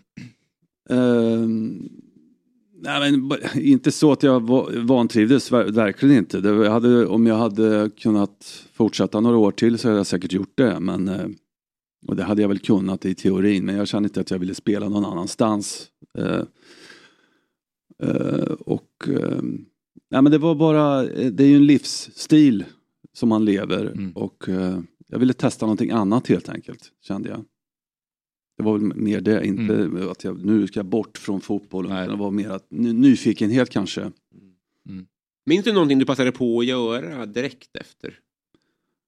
Uh, oh, det är så länge sedan, tio år sedan. Ja. Vad gjorde jag då? Nej, jag, jag var ledig ett tag. Mm. Gjorde ingenting. Nej men eh, kanske reste lite grann och sådär. Brände lite pengar på det. Ehm, nej men jag tog det lugnt ett tag. Jag var ledig. Jag gjorde ingenting på ett år kanske. Hur mycket har du saknat det? Va? Hur mycket har du saknat det? Fotbollen? Eh, jag tänker inte så mycket på det nu längre men eh, direkt efter när jag slutade då jobbade jag ju kvar i AIK på marknadssidan kan man säga. Då gick jag ju på matcher och sådär, alla hemmamatcher. Och då känns det lite konstigt att sitta på läktaren, att man var på fel plats. Man ville vara där nere liksom men eh, eh, ja, nu, nu ser jag inte lika många matcher. Jag går på några matcher, jag ser de flesta på tv och så men eh, jag är inte på Friends så ofta. Fyra, fem matcher per år kanske. Okay. Jag tänkte på det när du la av, vi, vi slår av mitt under säsongen. Mm. Var det inte så? Det Ja. stämmer. Augusti 2013 var min sista match. 3 augusti, på min födelsedag, det är därför jag vet. Ja. Så det var stort för mig den dagen. Ehm, och hur kom det sig då, att det var, blev så? Nej, jag vet inte, det var inte mitt beslut. Det var, jag fick, eh, jag tror det var Jens T Andersson som var sportchef då. Han sa det bara, din sista match blir eh, Elfsborg hemma den 3 augusti. Och då, Okej. då blev det så. Hur långt innan fick du det beskedet? Ja, det var några månader innan. Okej. Men du hade kontrakt genom... Nej, jag skrev, eh, eller ja, det var, vänta nu, jag måste tänka tillbaka lite grann. Det måste ha, jag måste ju ha vetat inför säsongen, Ja. för vi skrev ett halvårskontrakt. Så ja. det, det visste jag nog eh, en, en, ja, i god tid innan. Hur länge hade du fortsatt om du själv hade fått eh, bestämma då? Alltså, jag tyckte att jag hängde med fortfarande och sådär och kroppen, jag hade väl lite, lite små skavanker sista säsongen men det, jag hade ju inga skadeproblem så jag, så jag höll ju.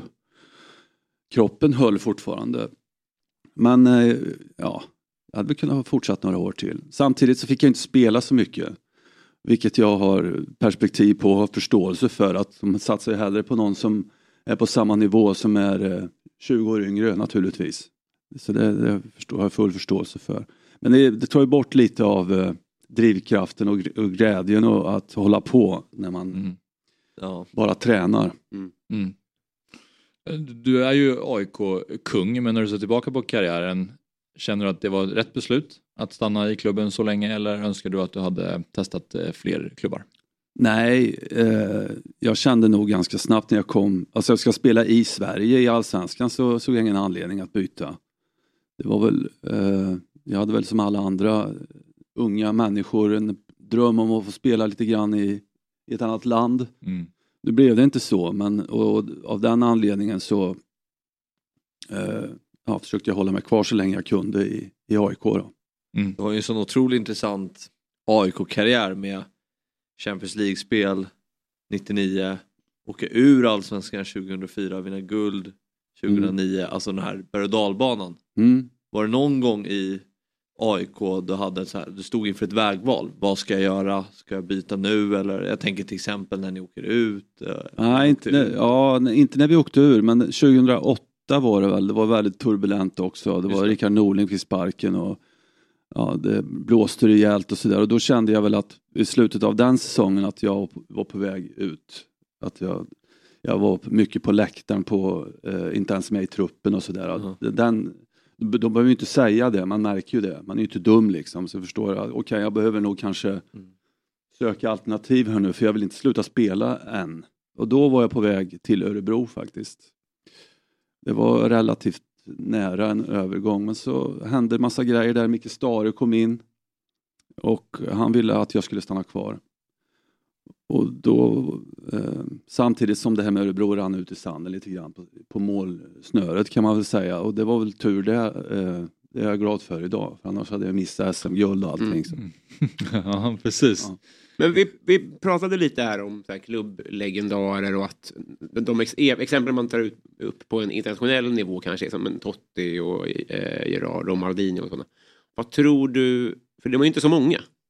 Vad är det för egenskap som krävs för att man ska stanna så länge? Oh, det är en svår fråga, jag vet faktiskt inte. Jag kan bara eh, tala för mig själv att jag, som jag sa tidigare, att jag kände att jag trivdes bra. En stor yttre press som man har. Och, eh, eh, men det fungerar som en drivkraft för, för mig, att man har den där pressen på sig eh, utifrån och även från en själv då. Att man är på tårna hela tiden och hela tiden försöker göra Jobba hårt i alla fall. Gör jobbet ordentligt, sa Stuart Baxter alltid.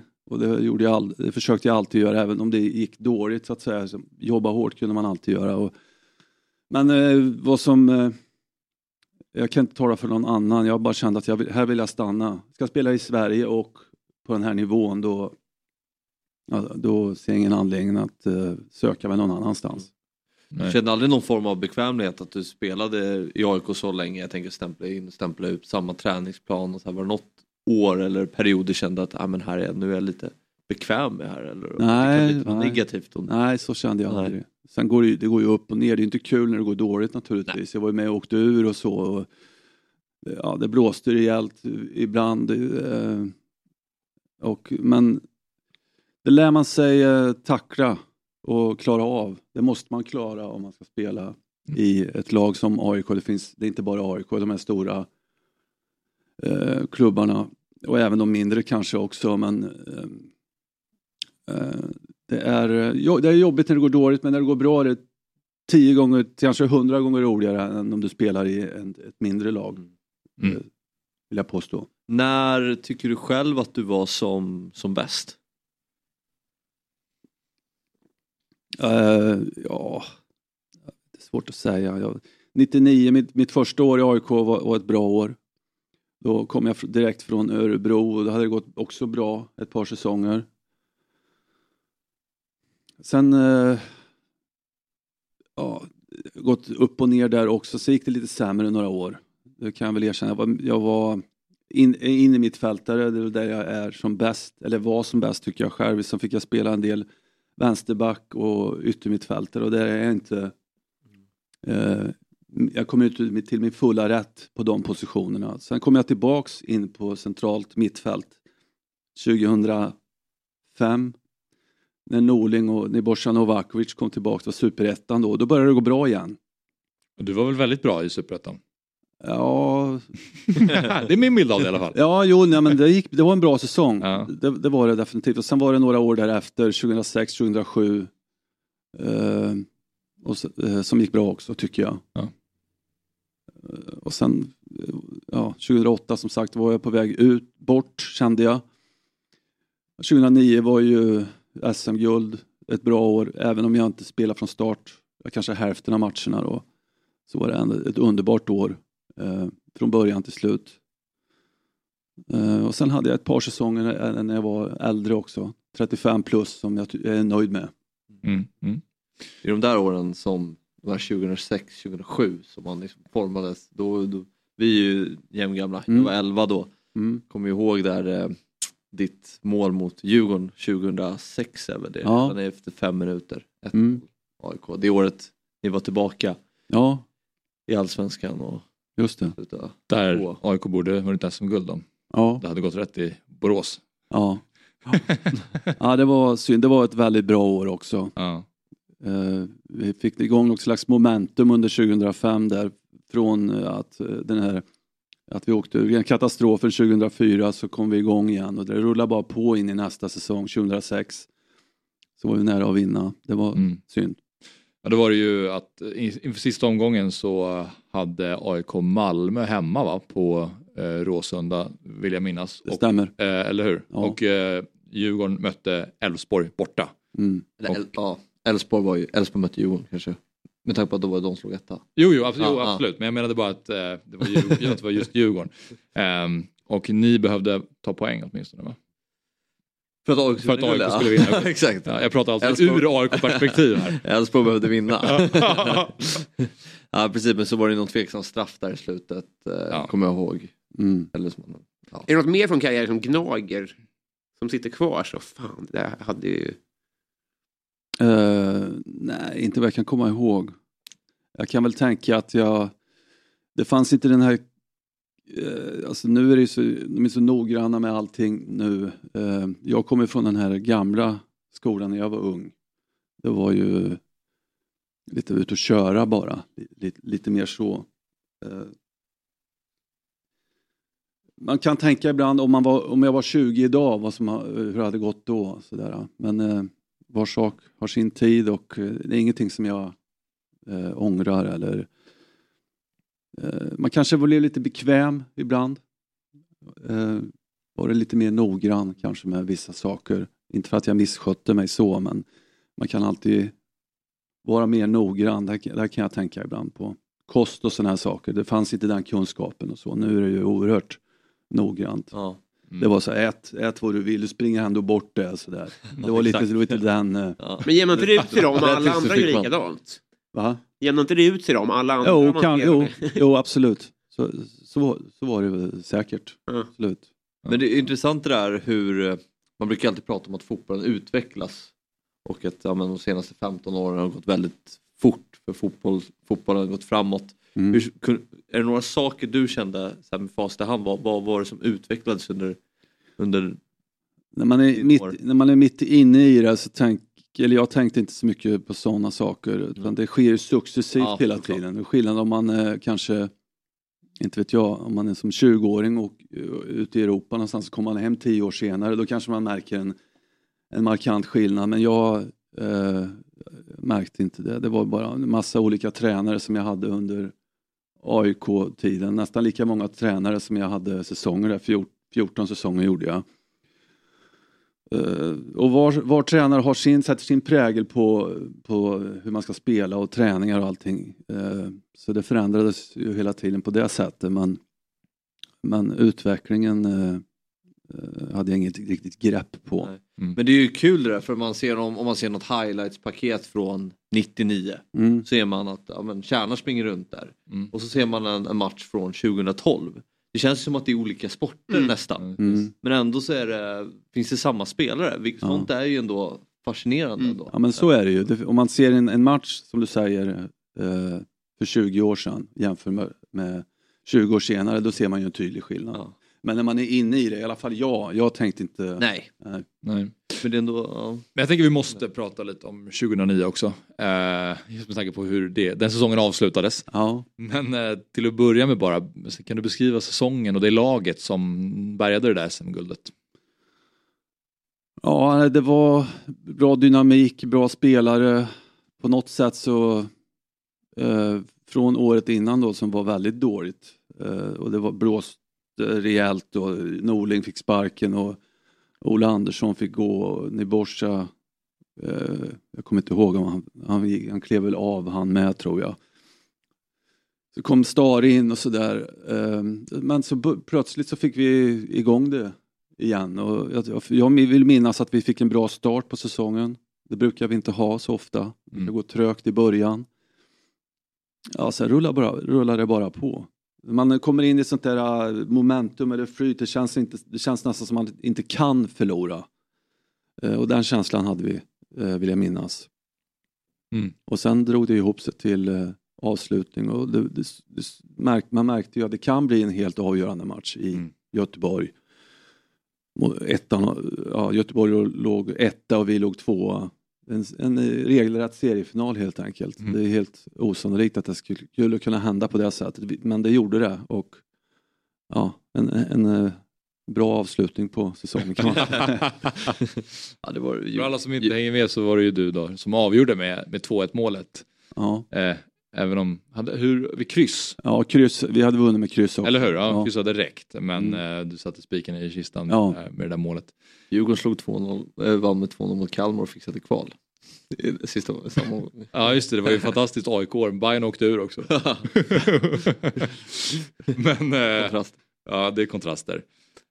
Men det där målet, hur, hur ofta pratar folk med dig om det där målet och hur ofta tänker du på det själv? Eh, Jag tänker inte på det så ofta nu längre men eh, det är de få gånger som det kommer fram någon numera. Man, då är det väl det första de tar upp nästan. Mm. Så är det. Det är inte två pers om dagen? Nej, nej långt, två pers per år höll jag på att säga. Va? Nej, Nej, jag kan inte nej, stämma. nej, nej, så är det inte riktigt. Nej. Men det händer då och då. Ja. Ja. Du rör dig kanske rör du dig inte i barmiljö? Eller vad, vad, tror du?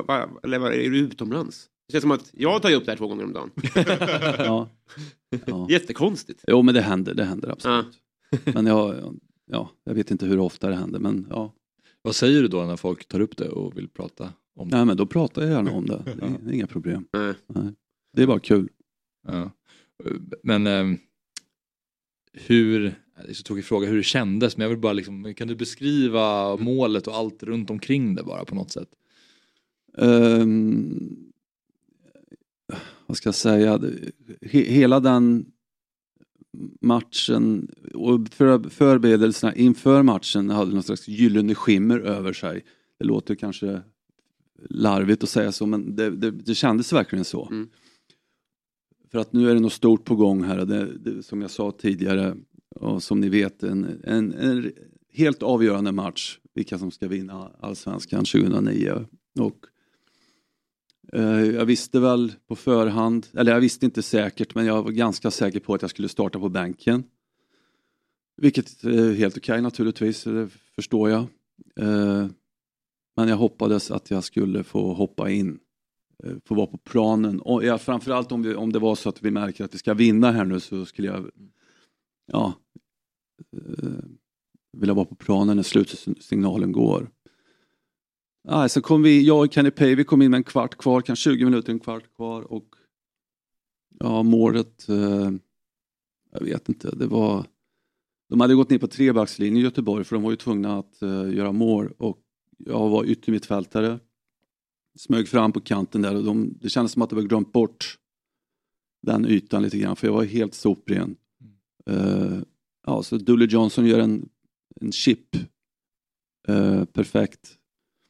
Ja, och så, och så träff, tänkte jag en bra mottagning nu och så träffa mål. Det var det jag tänkte. Jag tänkte inte att det skulle göra mål, men kanske blir det retur eller någonting. Ja, så gick den in och det var, jag vet inte, det var ov, overklig känsla. Ja. Jag hade inte gjort mål tror jag på, ja, sedan 2006. Jag tror det var Djurgården. eh, Ja, det var det målet. Ja, Det var ju ett snyggt mål. ja det, var med, det var med högen dessutom, det har Ja. aldrig hänt förut. Nej men det var overkligt och då, kände, då visste jag ju, nu är det klart. De gör aldrig två mål på fem minuter, det här var 85 tror jag, och det var 86 minuten eller någonting.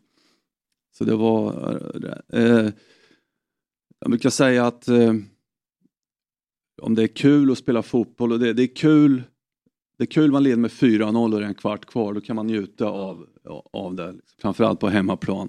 Nu, nu var det ju... Nu kunde man verkligen njuta de sista minuterna. Ja. För att nu bara hålla, hålla tätt här så är det över. Liksom, har vi vunnit ä- SM-guld.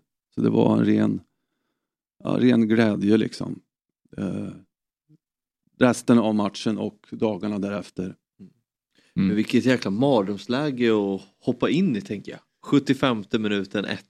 Känns som nästan som man har allt att förlora. Eller vad, vad känner man att hoppa in där? För det är ju mer så här, nu ska vi försvara den här le- eller... Nej, jag, jag, jag minns det som att eh, jag, vill, jag ville så gärna in och jag var inte nervös alls. Nej. Jag bara in och köra liksom. Det hade nog varit värre om det var tvärtom, att vi var tvungna att eh, forcera in eh, ett eh, mål. Då skulle det nog kännas annorlunda tror jag. Mm. Eh, Men eh, du har fått mycket kärlek från supportrarna under din tid i AIK. Hur, hur viktig har den varit eh, för dig? Ja, oerhört viktigt naturligtvis. Det är ju eh, vad ska man säga, stort engagemang eh, och, och också stor press. Som jag sa tidigare så var det en drivkraft att hela tiden försöka göra sitt bästa och jobba hårt. Men kärlek, absolut. Det är underbart. Eh, så det har betytt mycket och betyder mycket än idag. Jag minns under, eh, vi pratade om när du slutade där, att det var, så, det var, ju, det var ju väldigt eh, fint och väldigt väl arrangerat och väldigt mycket avtackningsceremonier och sånt där. Men jag minns att jag också tänkte så här att om du var bekväm med det och var så mycket i centrum som du var då. Nej, jag, ja, absolut. Nej, jag är väl inte den som eh, vill stå i, i centrum så mycket. Uh, håller mig gärna lite grann i bakgrunden men, men vid ett sånt tillfälle så omfamnar jag det. Och försökte njuta av det, eller försökte, jag njöt av det. Det var en, det var en underbar avslutning och eh, det, var, ja, det var ett minne som jag alltid kommer, ja, som jag bär med mig resten av mitt liv liksom. Eh, men eh, ja, nej, just där och då så tyckte jag inte att det var besvärligt på något sätt att stå i centrum på det sättet. Det är lite som eh, Per Karlsson, känns som han verkligen intalar sig att nu ska jag ta in det här och njuta av det här. Att Det här är min stund. Det sa han ju lite själv också, Ja. att han kanske inte var helt bekväm med det men nu har han lite som du säger Mm. valt att omfamna och försöka faktiskt acceptera och förstå att nu, jag, jag förstår att jag kommer bli Det är så i centrumläge centrum här. nu. Ja, det är, cent- det är centrumläge nu. Ja. Men eh, Tjärna, vi måste s- börja runda av redan tyvärr. Ja. Tiden går fort men l- lite mer om relationen idag, till AIK idag då. Vad, vad, vad tror du om säsongen 2023 av det du har hunnit eller kunnat ta del av? Jag tror alltid på AIK inför varje säsong. Det gjorde jag som spelare och det gör jag även nu eh, som supporter. Så det har väl, goda chanser att vara med och slåss om guldet. Det, det skulle förvåna mig om det inte blir så. Mm. Sen kan man aldrig veta på förhand hur det ska gå. Men, eh, men eh, ambitionen finns där och eh, min tro på laget är intakt. Mm. det, känns, det känns skönt Väldigt att ha skönt. Eh, kärlek fortfarande. Men, men eh, har ni någon sista fråga som ni vill ställa? Eller ska vi... Det finns ju så många Ja, jag frågor vet, man skulle faktiskt. kunna Det är- sitta kvar här ja, i det är så mycket minnen och, eller, och Tack dåliga för allt, minnen. kanske. Ja, precis. Ja, tack, tack. Tack detsamma. Ja. Nej, det var jättefint att ha dig här. Ja, Eh, tack, det är kul att vara här. Ja, och välkommen tillbaka. Tack.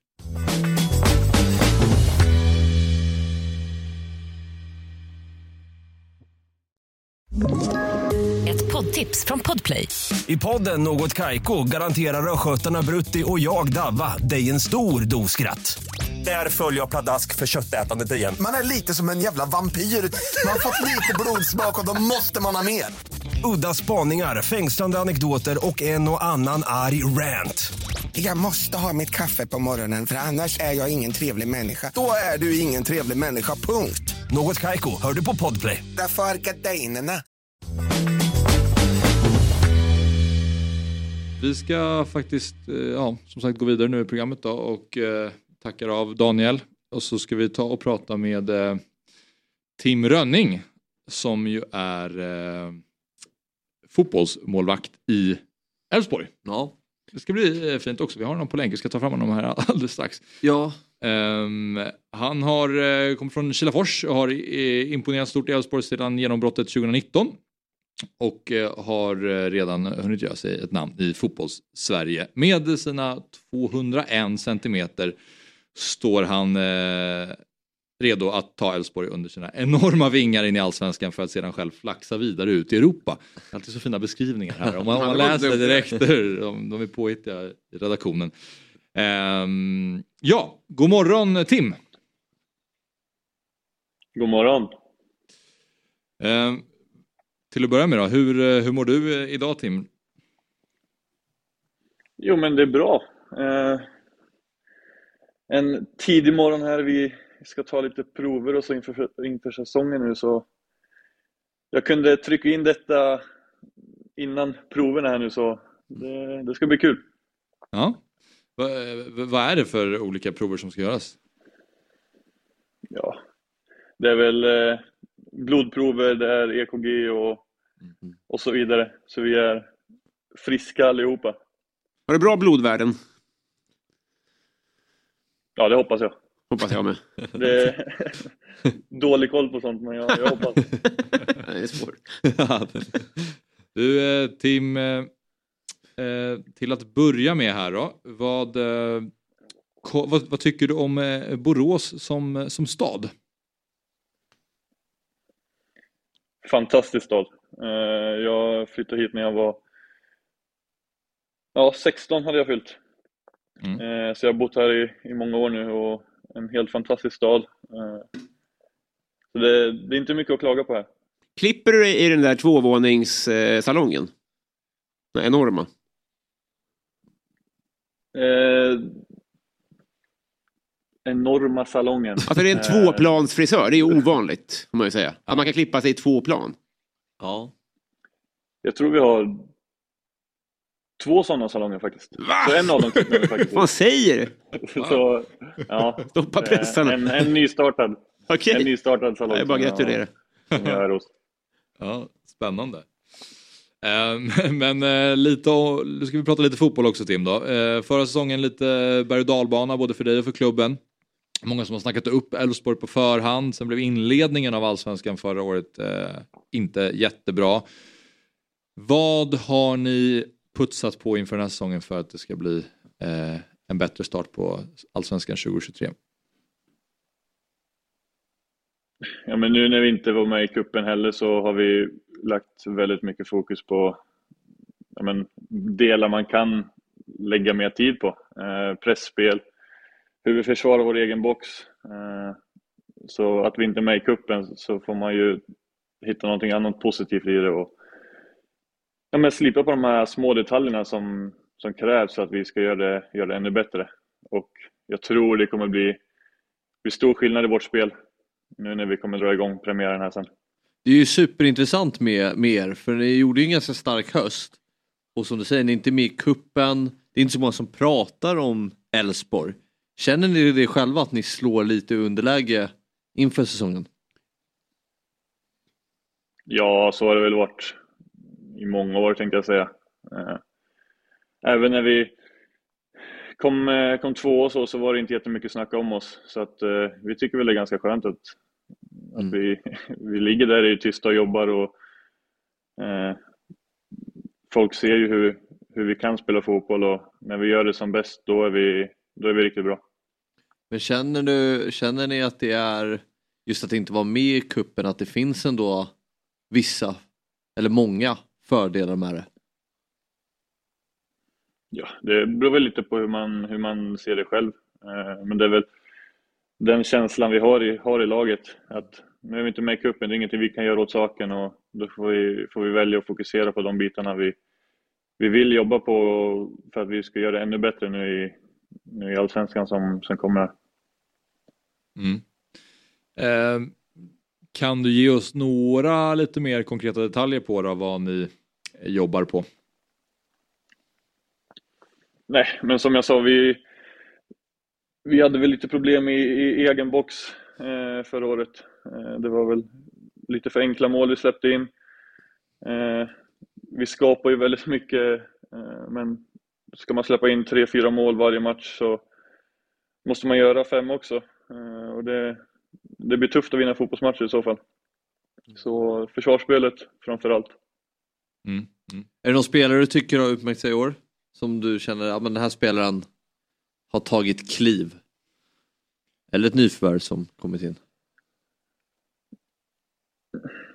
Alexander Bernhardsson är väl den som har varit väldigt, väldigt bra. Ja.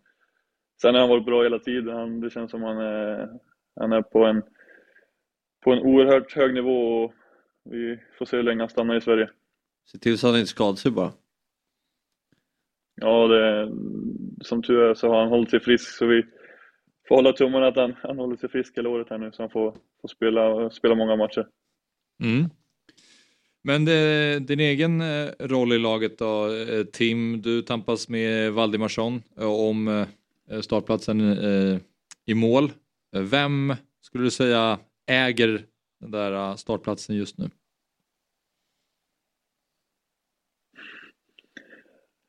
Det är en, en, en fråga Jimmy Tillin får svara på. det, nej, men vi har, vi, vi har bra, bra konkurrens i laget. Eh, inte bara på målvaktspositionen utan, utan alla, alla elva positioner där ute är en otrolig fight varje träning. Eh, sen är väl det är lite speciellt på, på målvaktspositionen generellt att det är en som ska spela. Vi kommer inte kunna, kunna hoppa in och göra 30 minuter varje match utan det är den som, den som får förtroendet får, får chansen. Och tar man chansen som målvakt då är man ofta kvar också så att vi får se lite vad som, vad som händer. Men det är en bra fight och det, jag kan faktiskt inte säga hur, hur det ser ut. Hur skulle du beskriva era skillnader som målvakter? Jag skulle säga att vi är ganska lika som målvakter. Eh, han är också en stor målvakt, bra, bra räckvidd. Han är eh, otroligt bra i, i en mot en-spelet och liksom nära i, i boxen kan man säga. Eh, jag skulle säga att vi är ja, men väldigt, väldigt lika.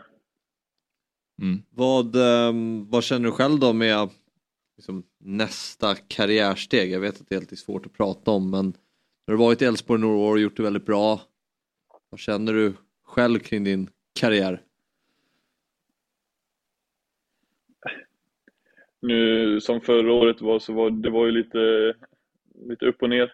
Eh, Så en, en, bra, en bra vår här nu eh, hade varit bra både för mig personligen men, ja, men för självförtroendet också.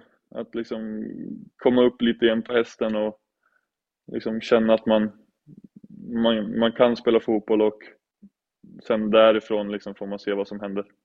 Mm. mm. Det är ju tuff konkurrens i eh, allsvenskan. Det är många lag som har rustat upp och det är flera eh, topplag som känns starka inför säsongen. Vilken plats i allsvenskan tror du att Elfsborg hamnar på 2023? Jag tror och hoppas att vi är med i, i den övre halvan i alla fall. Eh, sen spelar vi vår fotboll och liksom gör det bra varje match, då har vi otroligt goda möjligheter till att hamna högt upp i tabellen. Mm. Mm. Vilke, vilket lag tycker du känns på förhand som den tuffaste konkurrenten i toppen?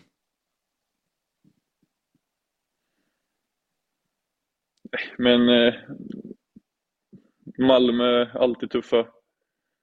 Eh, de, de är ja, de är väldigt tuffa att, åka och möta och de, eh, de spelar bra fotboll och sen har de fått in eh, Rydström också. Han, man såg vad han gjorde med Kalmar så att eh, eh jag tror att de, de kommer bli farliga. Eh, jag måste lätta. Ja. Okej. Tack, sorry för Bra, det ingen Eh, men Jag, jag tänkte, det där är intressant. Eh, Du som målvakt, är det någon motstånd där man känner att det är extra tryck och jobbigt att möta? Att man känner bara när man är där att det blir en jobbig match eller att det är en jobbig motståndare? Ja, för jag tänkte också på det. Ibland man ser målvakterna liksom jogga från eh, mittcirkeln med sin vattenflaska inför avspark och så springer man mot en motståndarklack till exempel.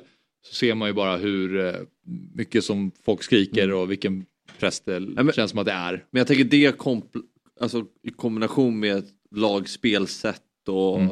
hur lag spelar och man känner att man kanske inte kommer in i matchen. Är det några lag man tycker är jobbiga då att möta extra? eh, Förutom Malmö, eller? Men jag skulle väl säga, ja men Hammarby också, dels mycket, mycket folk på läktarna. Eh, sen har de en, ja men, hyfsat lik oss, de är väldigt direkta och liksom får de fast motståndarna så fortsätter de trycka på. Mm. Eh, vissa lag är väl, de har mycket boll men liksom, det händer inte så mycket. Eh, men Malmö och, och Bayern mycket folk och som jag sa, liksom får de, får de ner, ner sina motståndare så då är de där och trycker på och vinner andra bollar och sen liksom fortsätter och fortsätter att trycka på. Eh, och samtidigt med deras eh, men folkmängd på läktarna så liksom ökar, ju, ökar ju trycket ännu mer så att eh, Hur mycket, det beror du, lite på vad man möter för typ av lag. Ja. hur mycket kan du stänga ute det som skriks från läktarna? Alltså mycket ändå.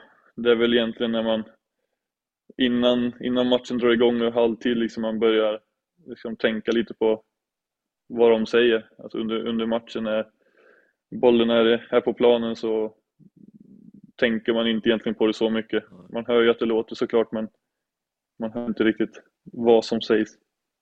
Mm.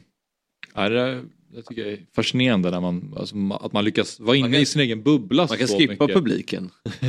Om Med tanke på alla spelare bara... Ja men nästan. Man hör ingenting.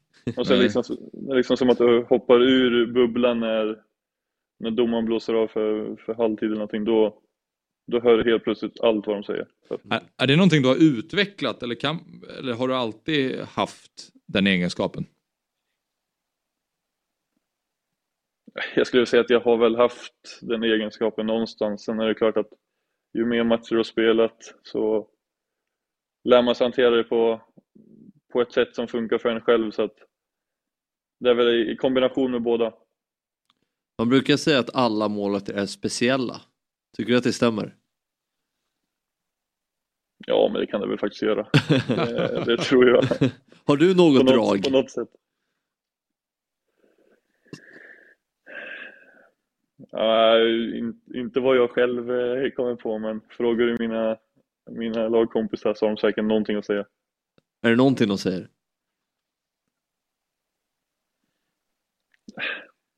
I omklädningsrummet eller någonting?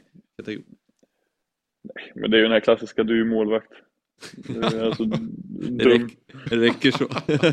Verkligen. Ja, det det räcker så. enda du behöver säga, du är målvakt. Det, det är liksom, det Ja. är, Då, då det är sågningen i sig. Eh, men sista frågan då Tim. Du eh, känns ändå som att du är lite på gång i, i din karriär. Du har ju alla förutsättningar för att bli, att ta ännu flera kliv. Vad känner du själv är det, det som du behöver utveckla mest för att eh, ta nästa steg i din karriär? Jag skulle säga absolut min beslutsfattning. Eh, sen är det alltid ja, men, detaljer med fötter och lite inlägg och så vidare. Men framförallt beslutsfattningen, eller liksom göra rätt beslut oftare. Liksom. Ja. Eh, det är väl det lite som jag har ja, men, kämpat lite med. Eh, Känns som att det måste vara svårt att träna på eftersom det är så impulsivt. Ja, men precis. Du ska ta beslut liksom väldigt snabbt. Eh, och där liksom, står du mellan rätt och fel och sen du, du tvekar så kommer det bli fel ibland. Mm. Eh, och sen efteråt är det lätt att säga, fan jag skulle gjort så där istället. Eh, Men liksom komma på det innan, innan det blir fel och liksom den biten. Jag har en sista fråga. Ja. Som vi har diskuterat lite här i, i studion. Eh, kollar du mycket fotboll? Alltså generellt? Alltså, ah, inte jättemycket. Nej, nej. Allsvenskan brukar jag försöka kolla på sen. Ja, men vi, vi, har Ja, dis- Champions, vi, Champions League. ja, vi har diskuterat lite att det är, det är lite avsaknad av målvaktsexpertis i studion ofta. Att det är sällan man får höra någon prata om målvaktens perspektiv. Till exempel ett mål. Och Per Hansson brukar alltid säga det att om en anfallare bränner ett läge så är det en miss och inte en bra räddning.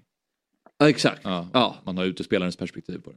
Precis, och det är väldigt sällan man får det här målvakten. För målvakten är ju mer eller mindre involverad i samtliga mål. Det går ju att peta i detaljer ofta när det kommer till ett målvaktsarbete. Ja, men det kan vara en bra räddning och så kanske målvakten har fel position från början som gör att målvakten tvingas göra en bra räddning. Och, eh, eller tvärtom att ja, men den här målvakten kommer ut och bara klistrar en boll men det är, det är ingen som noterar det för att det ser så enkelt ut men det är ett bra positionsarbete som föranleder det. Eh, förstår du vad jag menar? Ja, absolut. Det, det, jag håller med. Jag tycker absolut att det saknas... Ja, men man, det är nästan som att jag har följt John Alvbåge lite på... Han har ju någon, Mm. Någon kanal på Instagram som jag har följt lite och han har ju lagt ut lite sådär vad, vad kommentatorer har sagt och sen... Men det är ju inte liksom målvaktsbaserat. Nej. Eh, så det, det saknas ju och liksom, det är lite, ja, men lite tråkigt på något sätt för att det, det är en speciell position att spela. Liksom det, eh, det är som du säger att du kan nästan göra någonting bättre i varje situation om du, om du sitter och kollar på, på video. Liksom. Exakt. Eh, Ja, jag- Men det är som, Ja. Men jag tycker typ att ni, ni, de som spelar målvakt brukar säga, brukar alltid komma med intressanta namn om vem som är världens bästa målvakt. Ja. Det brukar inte vara samma bild som man själv har. Nej. Utan det brukar alltid vara någon som man inte tänker på. Just för kanske, I min bok var det ofta för några år sedan så var det, många svarade Andres Palop. ja. Gamla Sevilla-målvakten och så bara så här, jaha. Man förstod inte riktigt varför, men det var straffmålvakt tror jag. Ja, men, eh, eller vill du fråga Tim vem han håller med? ja det kan man ju göra. Vem är världens bästa målvakt? jag har väl sagt, nu på slutet har jag sagt Courtois Ja. Sen tycker väl inte jag egentligen att Alltså rent teknikmässigt och, och så vidare är väl inte han den bästa men det, det han har gjort, eller han gjorde förra året, liksom det var Jag vet inte om man kan säga så mycket annat. Nej. Nej. Nej. Jag vet. Är det, är Fullt det en rimligt svar. unison bild eller? Eller sticker den här ut? Ja, det kanske är, ja, Många stick- tycker det. Jag tror många tycker Ja. att Courtois kanske är där. Ja, det är en, en av de bästa i alla fall såklart. Han, han- är där i alla fall. Där Det får man, det får man lugnt säga. Eh, Tim, kul att prata med dig och eh, kör hårt eh, framöver. Ja, tack så jättemycket. Trevlig helg! Trevlig helg! Tack detsamma. Fan vad mycket trevliga människor som jag pratat med idag. Ja, ja verkligen. Det, är- Fredagarna rusar förbi tycker jag. ja exakt, de går fort. Ja, det går roligt. väldigt fort. Ja. Eh, nu ska vi prata lite spel Ja. och eh, den här kallar vi för Lilla Helgtrippen. Det gillar jag. Liten... Lilla Helgtrippen, där ja, tack så mycket. Eh, då har vi alltså, jag har plockat fram detta. ja, Och vi har eh, Wolves Tottenham under 2,5 mål. Eh, rimligt. 1,77 gånger pengarna. Sen har vi City vinna mot Newcastle under 3,5. Ja, Eh, 2,25 gånger insatsen. ja. Och sen eh, att Djurgården då, fick jag in dem här Fabbe, över 2,5 mål mot BP. Ja, det är väl den matchen man har mest koll på här, de här lagen. Men... Uh, Trippen landar i alla fall på rätt bra. 7... ja, ja, verkligen. 24. Ja. Jag, den här är jag mer såld på än din senaste. Jaha. Ehm, så den, den här låter intressant. Ja. Nej, jag, jag... Utan att nämna hur den var Jag designad. kommer faktiskt inte riktigt ihåg vilken du Ja, det var något med Skövde, Malmö och... Ja, det var där. Det var ju nära. Det var och för sig, Nanasi ju gör, ja, Nanasi gör ju, heter Rabona. Ja, Ja, Rabona, Rabona. med 2-0 läge, då vet man ju att de är överlägsna. Ja. Men eh, det stannade där. Det gjorde det. Men eh, Wolves Tottenham, jag tänker att det kommer bli målsnålt. Det sprudlar inte om Wolverhampton och det sprudlar inte om Tottenham. Även om Tottenham har börjat vinna lite matcher nu igen så är det inte så att de vinner med 6-0. Så där tänker jag att det blir eh, målsnålt. Och sen har vi City som ska möta Newcastle på hemmaplan. Och jag tror att City vinner matchen. Eh, det är väl inte att sticka ut hakan. Men Newcastle är ändå ett bra lag. Mm. Och det är därför jag tänker att det kanske inte blir en slakt den här Nej. gången. Så som att de kan slå Bournemouth med 8-0 utan kan bli 3-0 då, till exempel. Och då stannar det under 3,5. Tre mål där. Förlåt? Nej, vinner med 3-0 så är det ju en väldigt bra insats. Ja precis, Nej, men jag menar bara att det skulle stanna under. Men 2-0, 1-0, Newcastle, 2-1. De är ju bra i år alltså. Mm. Det är... Och det är därför vi... Ja, nej, jag håller med. Och sen sista då, så har vi som sagt Djurgården med PP. Det enda jag var inne på här är ju lite så här, eller orosmålet var väl om, om det blir någon rotation i Ja, men det tror jag att det kan bli. Ja, men jag tänker då kanske det inte är så jättemycket och att Djurgården har ändå en bred trupp. Så det är bra spelare som kommer komma in. Ja men precis, och det, det, du, kommer inte, du kan inte förvänta dig en jätte, jätterotation. Det kommer nog komma in några nya spelare men i övrigt tror jag att det kommer vara ganska, alltså spelare som man ändå kan starta med i Allsvenskan. Så Ja. jag tror att det kommer, det kommer vara bra spelare. Hur tror du att Djurgården, vilka tror du roteras bort då? Eller vilka tror du kommer in? Men jag kan tänka mig att sån som eh, men Harris har inte spelat jättemycket, kanske får chansen från start här. Ehm, Är det, vem sitter, är det Asoro som... Ja, eller Wikheim. Eller Eh, Bergström kanske får starta här. Eh, Sen är det ju så här, Subwich kan, eller ja nej jag tror ju Schüller kanske spelar här för han är avstängd mot Poznan. Ja, Schüller lär ju spela ja. Att, Ja han lär ju spela. Så det kommer vara ett bra lag. Sen är det ju precis, Engström kanske matchen är ju på lördag klockan ett och sen så är det, Det är Poznan på torsdag. Ja, så det, det kanske inte blir någon rotation alls. det finns ju ändå vila. Ja, ja. Det är ju mer om man skulle vara, att man inte vill ha några onödiga skador och Ja, sådär. precis. Men BP är ett litet buggy-team för Djurgården, har ju alltid varit. Eh, så vi får se och nu har ju BP gått ganska svagt också Mm. i kuppen, förlorat båda matcherna. Så jag tror nog att de är ju taggade på att göra en bra insats här, avsluta i alla fall snyggt. Eh, och Djurgården är ju klara i princip. Det ska ju väldigt mycket till att Djurgården tappar den här första platsen men det är viktigt att kunna bli en av de bästa gruppettorna så man får hemmaplansfördel. Ja. Eh, lite mindre resande och sådär mellan Europamatcherna. Så. Mm. Ja, där har vi den i alla fall. Dagens eh, speltips, min eh, lilla helgtrippel. Ja. och eh, jag tror på den. Det känns som att du tror på den lite grann i alla fall. ja men lite, ja, ja absolut. Ja. Du är inte emot den. Nej gud nej. Du, du, du kommer inte aktivt motarbeta den i helgen. Det kommer jag inte. Bra. Kanske till och med um, rygga den. får vi se. Kanske till och med att du kliver in och ryggar den. Och det kan flera göra om man vill. Då går man in på dob.one slash oddset. Eh, skriv in det i den webbläsare. Eller använd QR-koden i bild. Ska jag peka? Inte på mig, andra hållet. Fel. Där ja. Där, Vänta, om jag så. Här är ganska bra va? Ja, här. här kommer den upp. Där har vi QR-koden för alla som tittar på Fotbollsmorgon. Ja, det är där vi är och eh, Oddset är en produkt från Svenska Spel, Sport och Casino AB. Det är åldersgräns 18 år och har du eller någon du känner problem med spel så finns stödlinjen.se. Det är fyra minuter kvar tills klockan är 09.00 Ja. Fabian.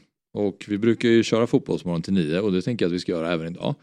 För du ska ju tipsa, tyvärr har ju Robin dragit. Ja vi har ju, hade ju ett litet quiz där vi skulle gissa vad det var. Det också, har, har eh, Viktor gjort Emrik något? eller? var, under pausen berättade han att det var klart. Jaha okej. Nej men jag, så här med Fabian tipsar, jag har väl ingen jätte, det var inget jättemycket den här veckan, det var lite eh, Stod lite still här. Eh, som det kan göra ibland. Du, du hade bara två tips generellt. Men jag, eh, jag har ju varit förbannad några tillfällen den här veckan. Ja. Det är ju de som går på det här med att solen tittar fram. Trots att det är 2 till 5 grader så ska ju folk slå sig ner på uteserveringarna. Har de gjort det? då? Jag har inte sett så många på uteserveringarna. Jag har sett några. Ja, Okej. Ja. Och det är ju... Nej, det, det, det är nog få saker som irriterar mig så mycket i vard... alltså, vardagen. Som när jag ser att folk är ute lite för tidigt och slår sig ner för att ta en kaffe eller eh, Mm. någon eh, öl eller vad det är. Ehm, Ska inte folk få njuta av att solen ja men de, de njuter ju inte, jag ser att ni huttrar. Ni njuter ju inte, det tar två minuter, sen sitter ju folk där och fryser. Ja. Fem lager filtar till slut, bara bygger på den där liksom, filthögen Det är över inte sig. lite mysigt då? Nej, Sitta det är ingen som tycker det. frusen. Ingen som tycker det. 12 grader, där går gränsen för mig. Ja, Ja, det, det, 12. det är ett skutt. Men alltså att man är ute, det har jag inget emot. Promenader, alltså gå ut och ta en promenad, rör, rör på er. Men just att sätta sig. Ja. Vårfällan. Gå på bandy istället. Ja. Okej, Gör men det, var, någonting. det var dagens tips då. En liten uppmaning. En liten upp... Håll er inne. Gå inte i vårfällan. Nej, det ska ju bli minusgrader igen. Ja, här har vi någon. Okej, här har vi quiz då. Apropå, vi får väl bara förklara tidigare då. Det var ju så att en- Halmstad BK Jag har en toppade- Andreas Johansson, Wiggen, rött lugn, kort. lugn, lugn. Det, är, det är röda kort. Snabbaste röda korten. Jag, jag, får, jag, jag tänkte jag skulle förklara, jag tänkte att tittarna kanske skulle få vara med och tävla men Okej, förlåt. nej, det är ingen fara. Men okej, vi, vi hade en... Dåligt. Vi, vi hade en Jag, jag lämnar. Nej, det behöver inte göra. Vi hade en lista tidigare då när, där Halmstad BK toppade tabellen. Och det var att de har haft eh, minst eh, antal spelare i truppen de senaste fem åren. Och då leder de alltså internationellt. Och så hade vi Manchester City på typ andra plats. Och Athletic Club och det var stora klubbar med. ja. Och då sa vi, om man hade fått se den här listan, då hade man omöjligen kunnat gissa vad temat var. Vad är det Halmstad toppar? Och då bad vi redaktionen att plocka fram en till sån typ av lista där vi inte vet vad det handlar om. Utan man bara får se namnen och då ser vi här Andreas Johansson 90 sekunder, Tim Flowers 72 sekunder, Steven Gerrard 38, Dave Kitson 37 sekunder och Keith Gil- Gil- Gillespie eh, 12 sekunder. Och du har redan knäckt koden här. Ja, nej, förlåt. Nej, är ingen fara. Alltså, det här var ju inte världens seriösaste quiz. Det var ju Nej. bara lite kul. Men det var ju snyggt. Eh, snabbaste sendings off in Premier League history. Och eh, Andreas Johansson, det var ju lite för Djurgårdskopplingen här som du tog den så snabbt då. Ja, Utan in- Andreas Johansson på den där listan, hade du satt den då? Ja men Gerard tror jag, den var ju, det där kommer jag ihåg, för det var hans sista match mot United. Eh, så den hade man nog tagit, och sen du vet, korta sekunder, jag tänker att det inte var mål. Nej. Eh, för mål har gjort snabbare än fortare. sådär, exakt. Men Andreas Johansson var ju det, var- han drog ju ner Ljungberg i straffområdet. Eh, förra- Jaha, var det, ja det var det som hände. Ja, just det. 2006. Jag tror han gör, han gör väl två i debuten mot Spurs. Tror jag. Johansson? Ja, jag tror det. Okej. Mm. Men eh, lite roligt eh, quizmoment som vi har hittat här. Mm, det här är bra. Gissa temat, gissa Ja, listan. Verkligen. Det måste vi bygga vidare på. Ehm, Så det ska vi göra helt enkelt. Ja, Fabbe, nu är klockan nio. Mm. Men du och jag kommer ju sitta och prata imorgon igen. Ja, och sen ska vi ju också uppa för uh, Martin Cifuentes. Det ska vi verkligen göra. Vi ska upp, uppa lite för Dobb-TV generellt. För alla som inte har koll på det, som bara följer Fotbollsmorgon då, det finns ju någonting som heter Dobb-TV. Och ehm, jag tycker att ni ska skaffa abonnemang där. Gå in på dobb.tv så kommer ni hitta till våran tjänst. Och där har vi ett gäng olika program, bland annat Fantasy-TV för er som spelar Fantasy Premier League. Vi har Eurotalk där David Fjell och Christian Borell och Martin Åslund och Marcelo Fernandes eh, oftast sitter och pratar internationell fotboll. Och sen har vi 08 fotboll där vi pratar om Stockholmsfotbollen. Och där fick vi igår besök av Marti Cifuentes som vi spelade in som vi ska lägga ut idag. Då. Så att alldeles strax kommer vi publicera det avsnittet med Marti. Och då satt vi i nästan två timmar Mm. och pratade. Så att det är för de som har tid eh, att kolla på det. Men det var bra, det var väldigt bra samtal. Ja, han var, jag var imponerad av honom. Det kändes som att varenda minut var liksom intensiv på något sätt. Att han var, han var väldigt närvarande. Precis, det, det slog mig i efterhand att så här, trots att vi höll på väldigt länge Mm. så var det mycket han som drev det också. Alltså och pratade. Han blev ju inte trött på någon fråga. Eller, Nej, han, nej, nej. han tog den och, och så... Också, och även när han kanske misstolkade Ja. frågan så kom han ändå in på någonting väldigt intressant. Ja, precis. För att han, han, ju, eh, han svarade ju på engelska men vi ställde frågorna på svenska och han har inte varit här i Sverige så många år men, men förstod det ju Ja, eh, ändå. Så att, ja. Väldigt imponerande var det och en bra intervju. Det rekommenderar vi. Det finns på Dobb-TV alltså. Så att, eh, skaffa ett abonnemang på Dobb-TV. Sen är det börja fredag.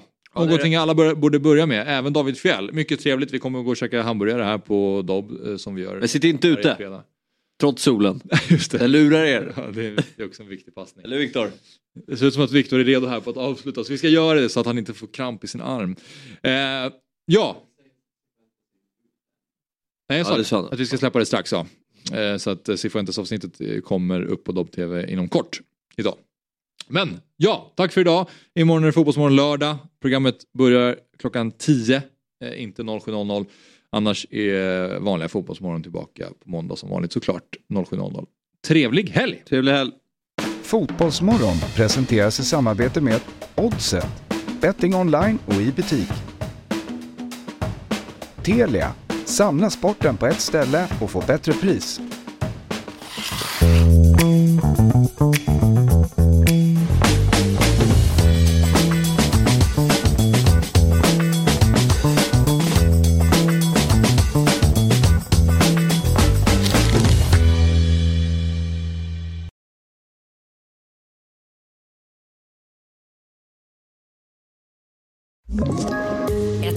Poddtips från Podplay.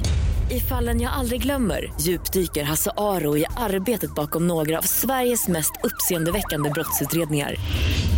Går vi in med hemlig telefonavlyssning och, och då upplever vi att vi får en total förändring av hans beteende. Vad är det som händer nu? Vem är det som läcker?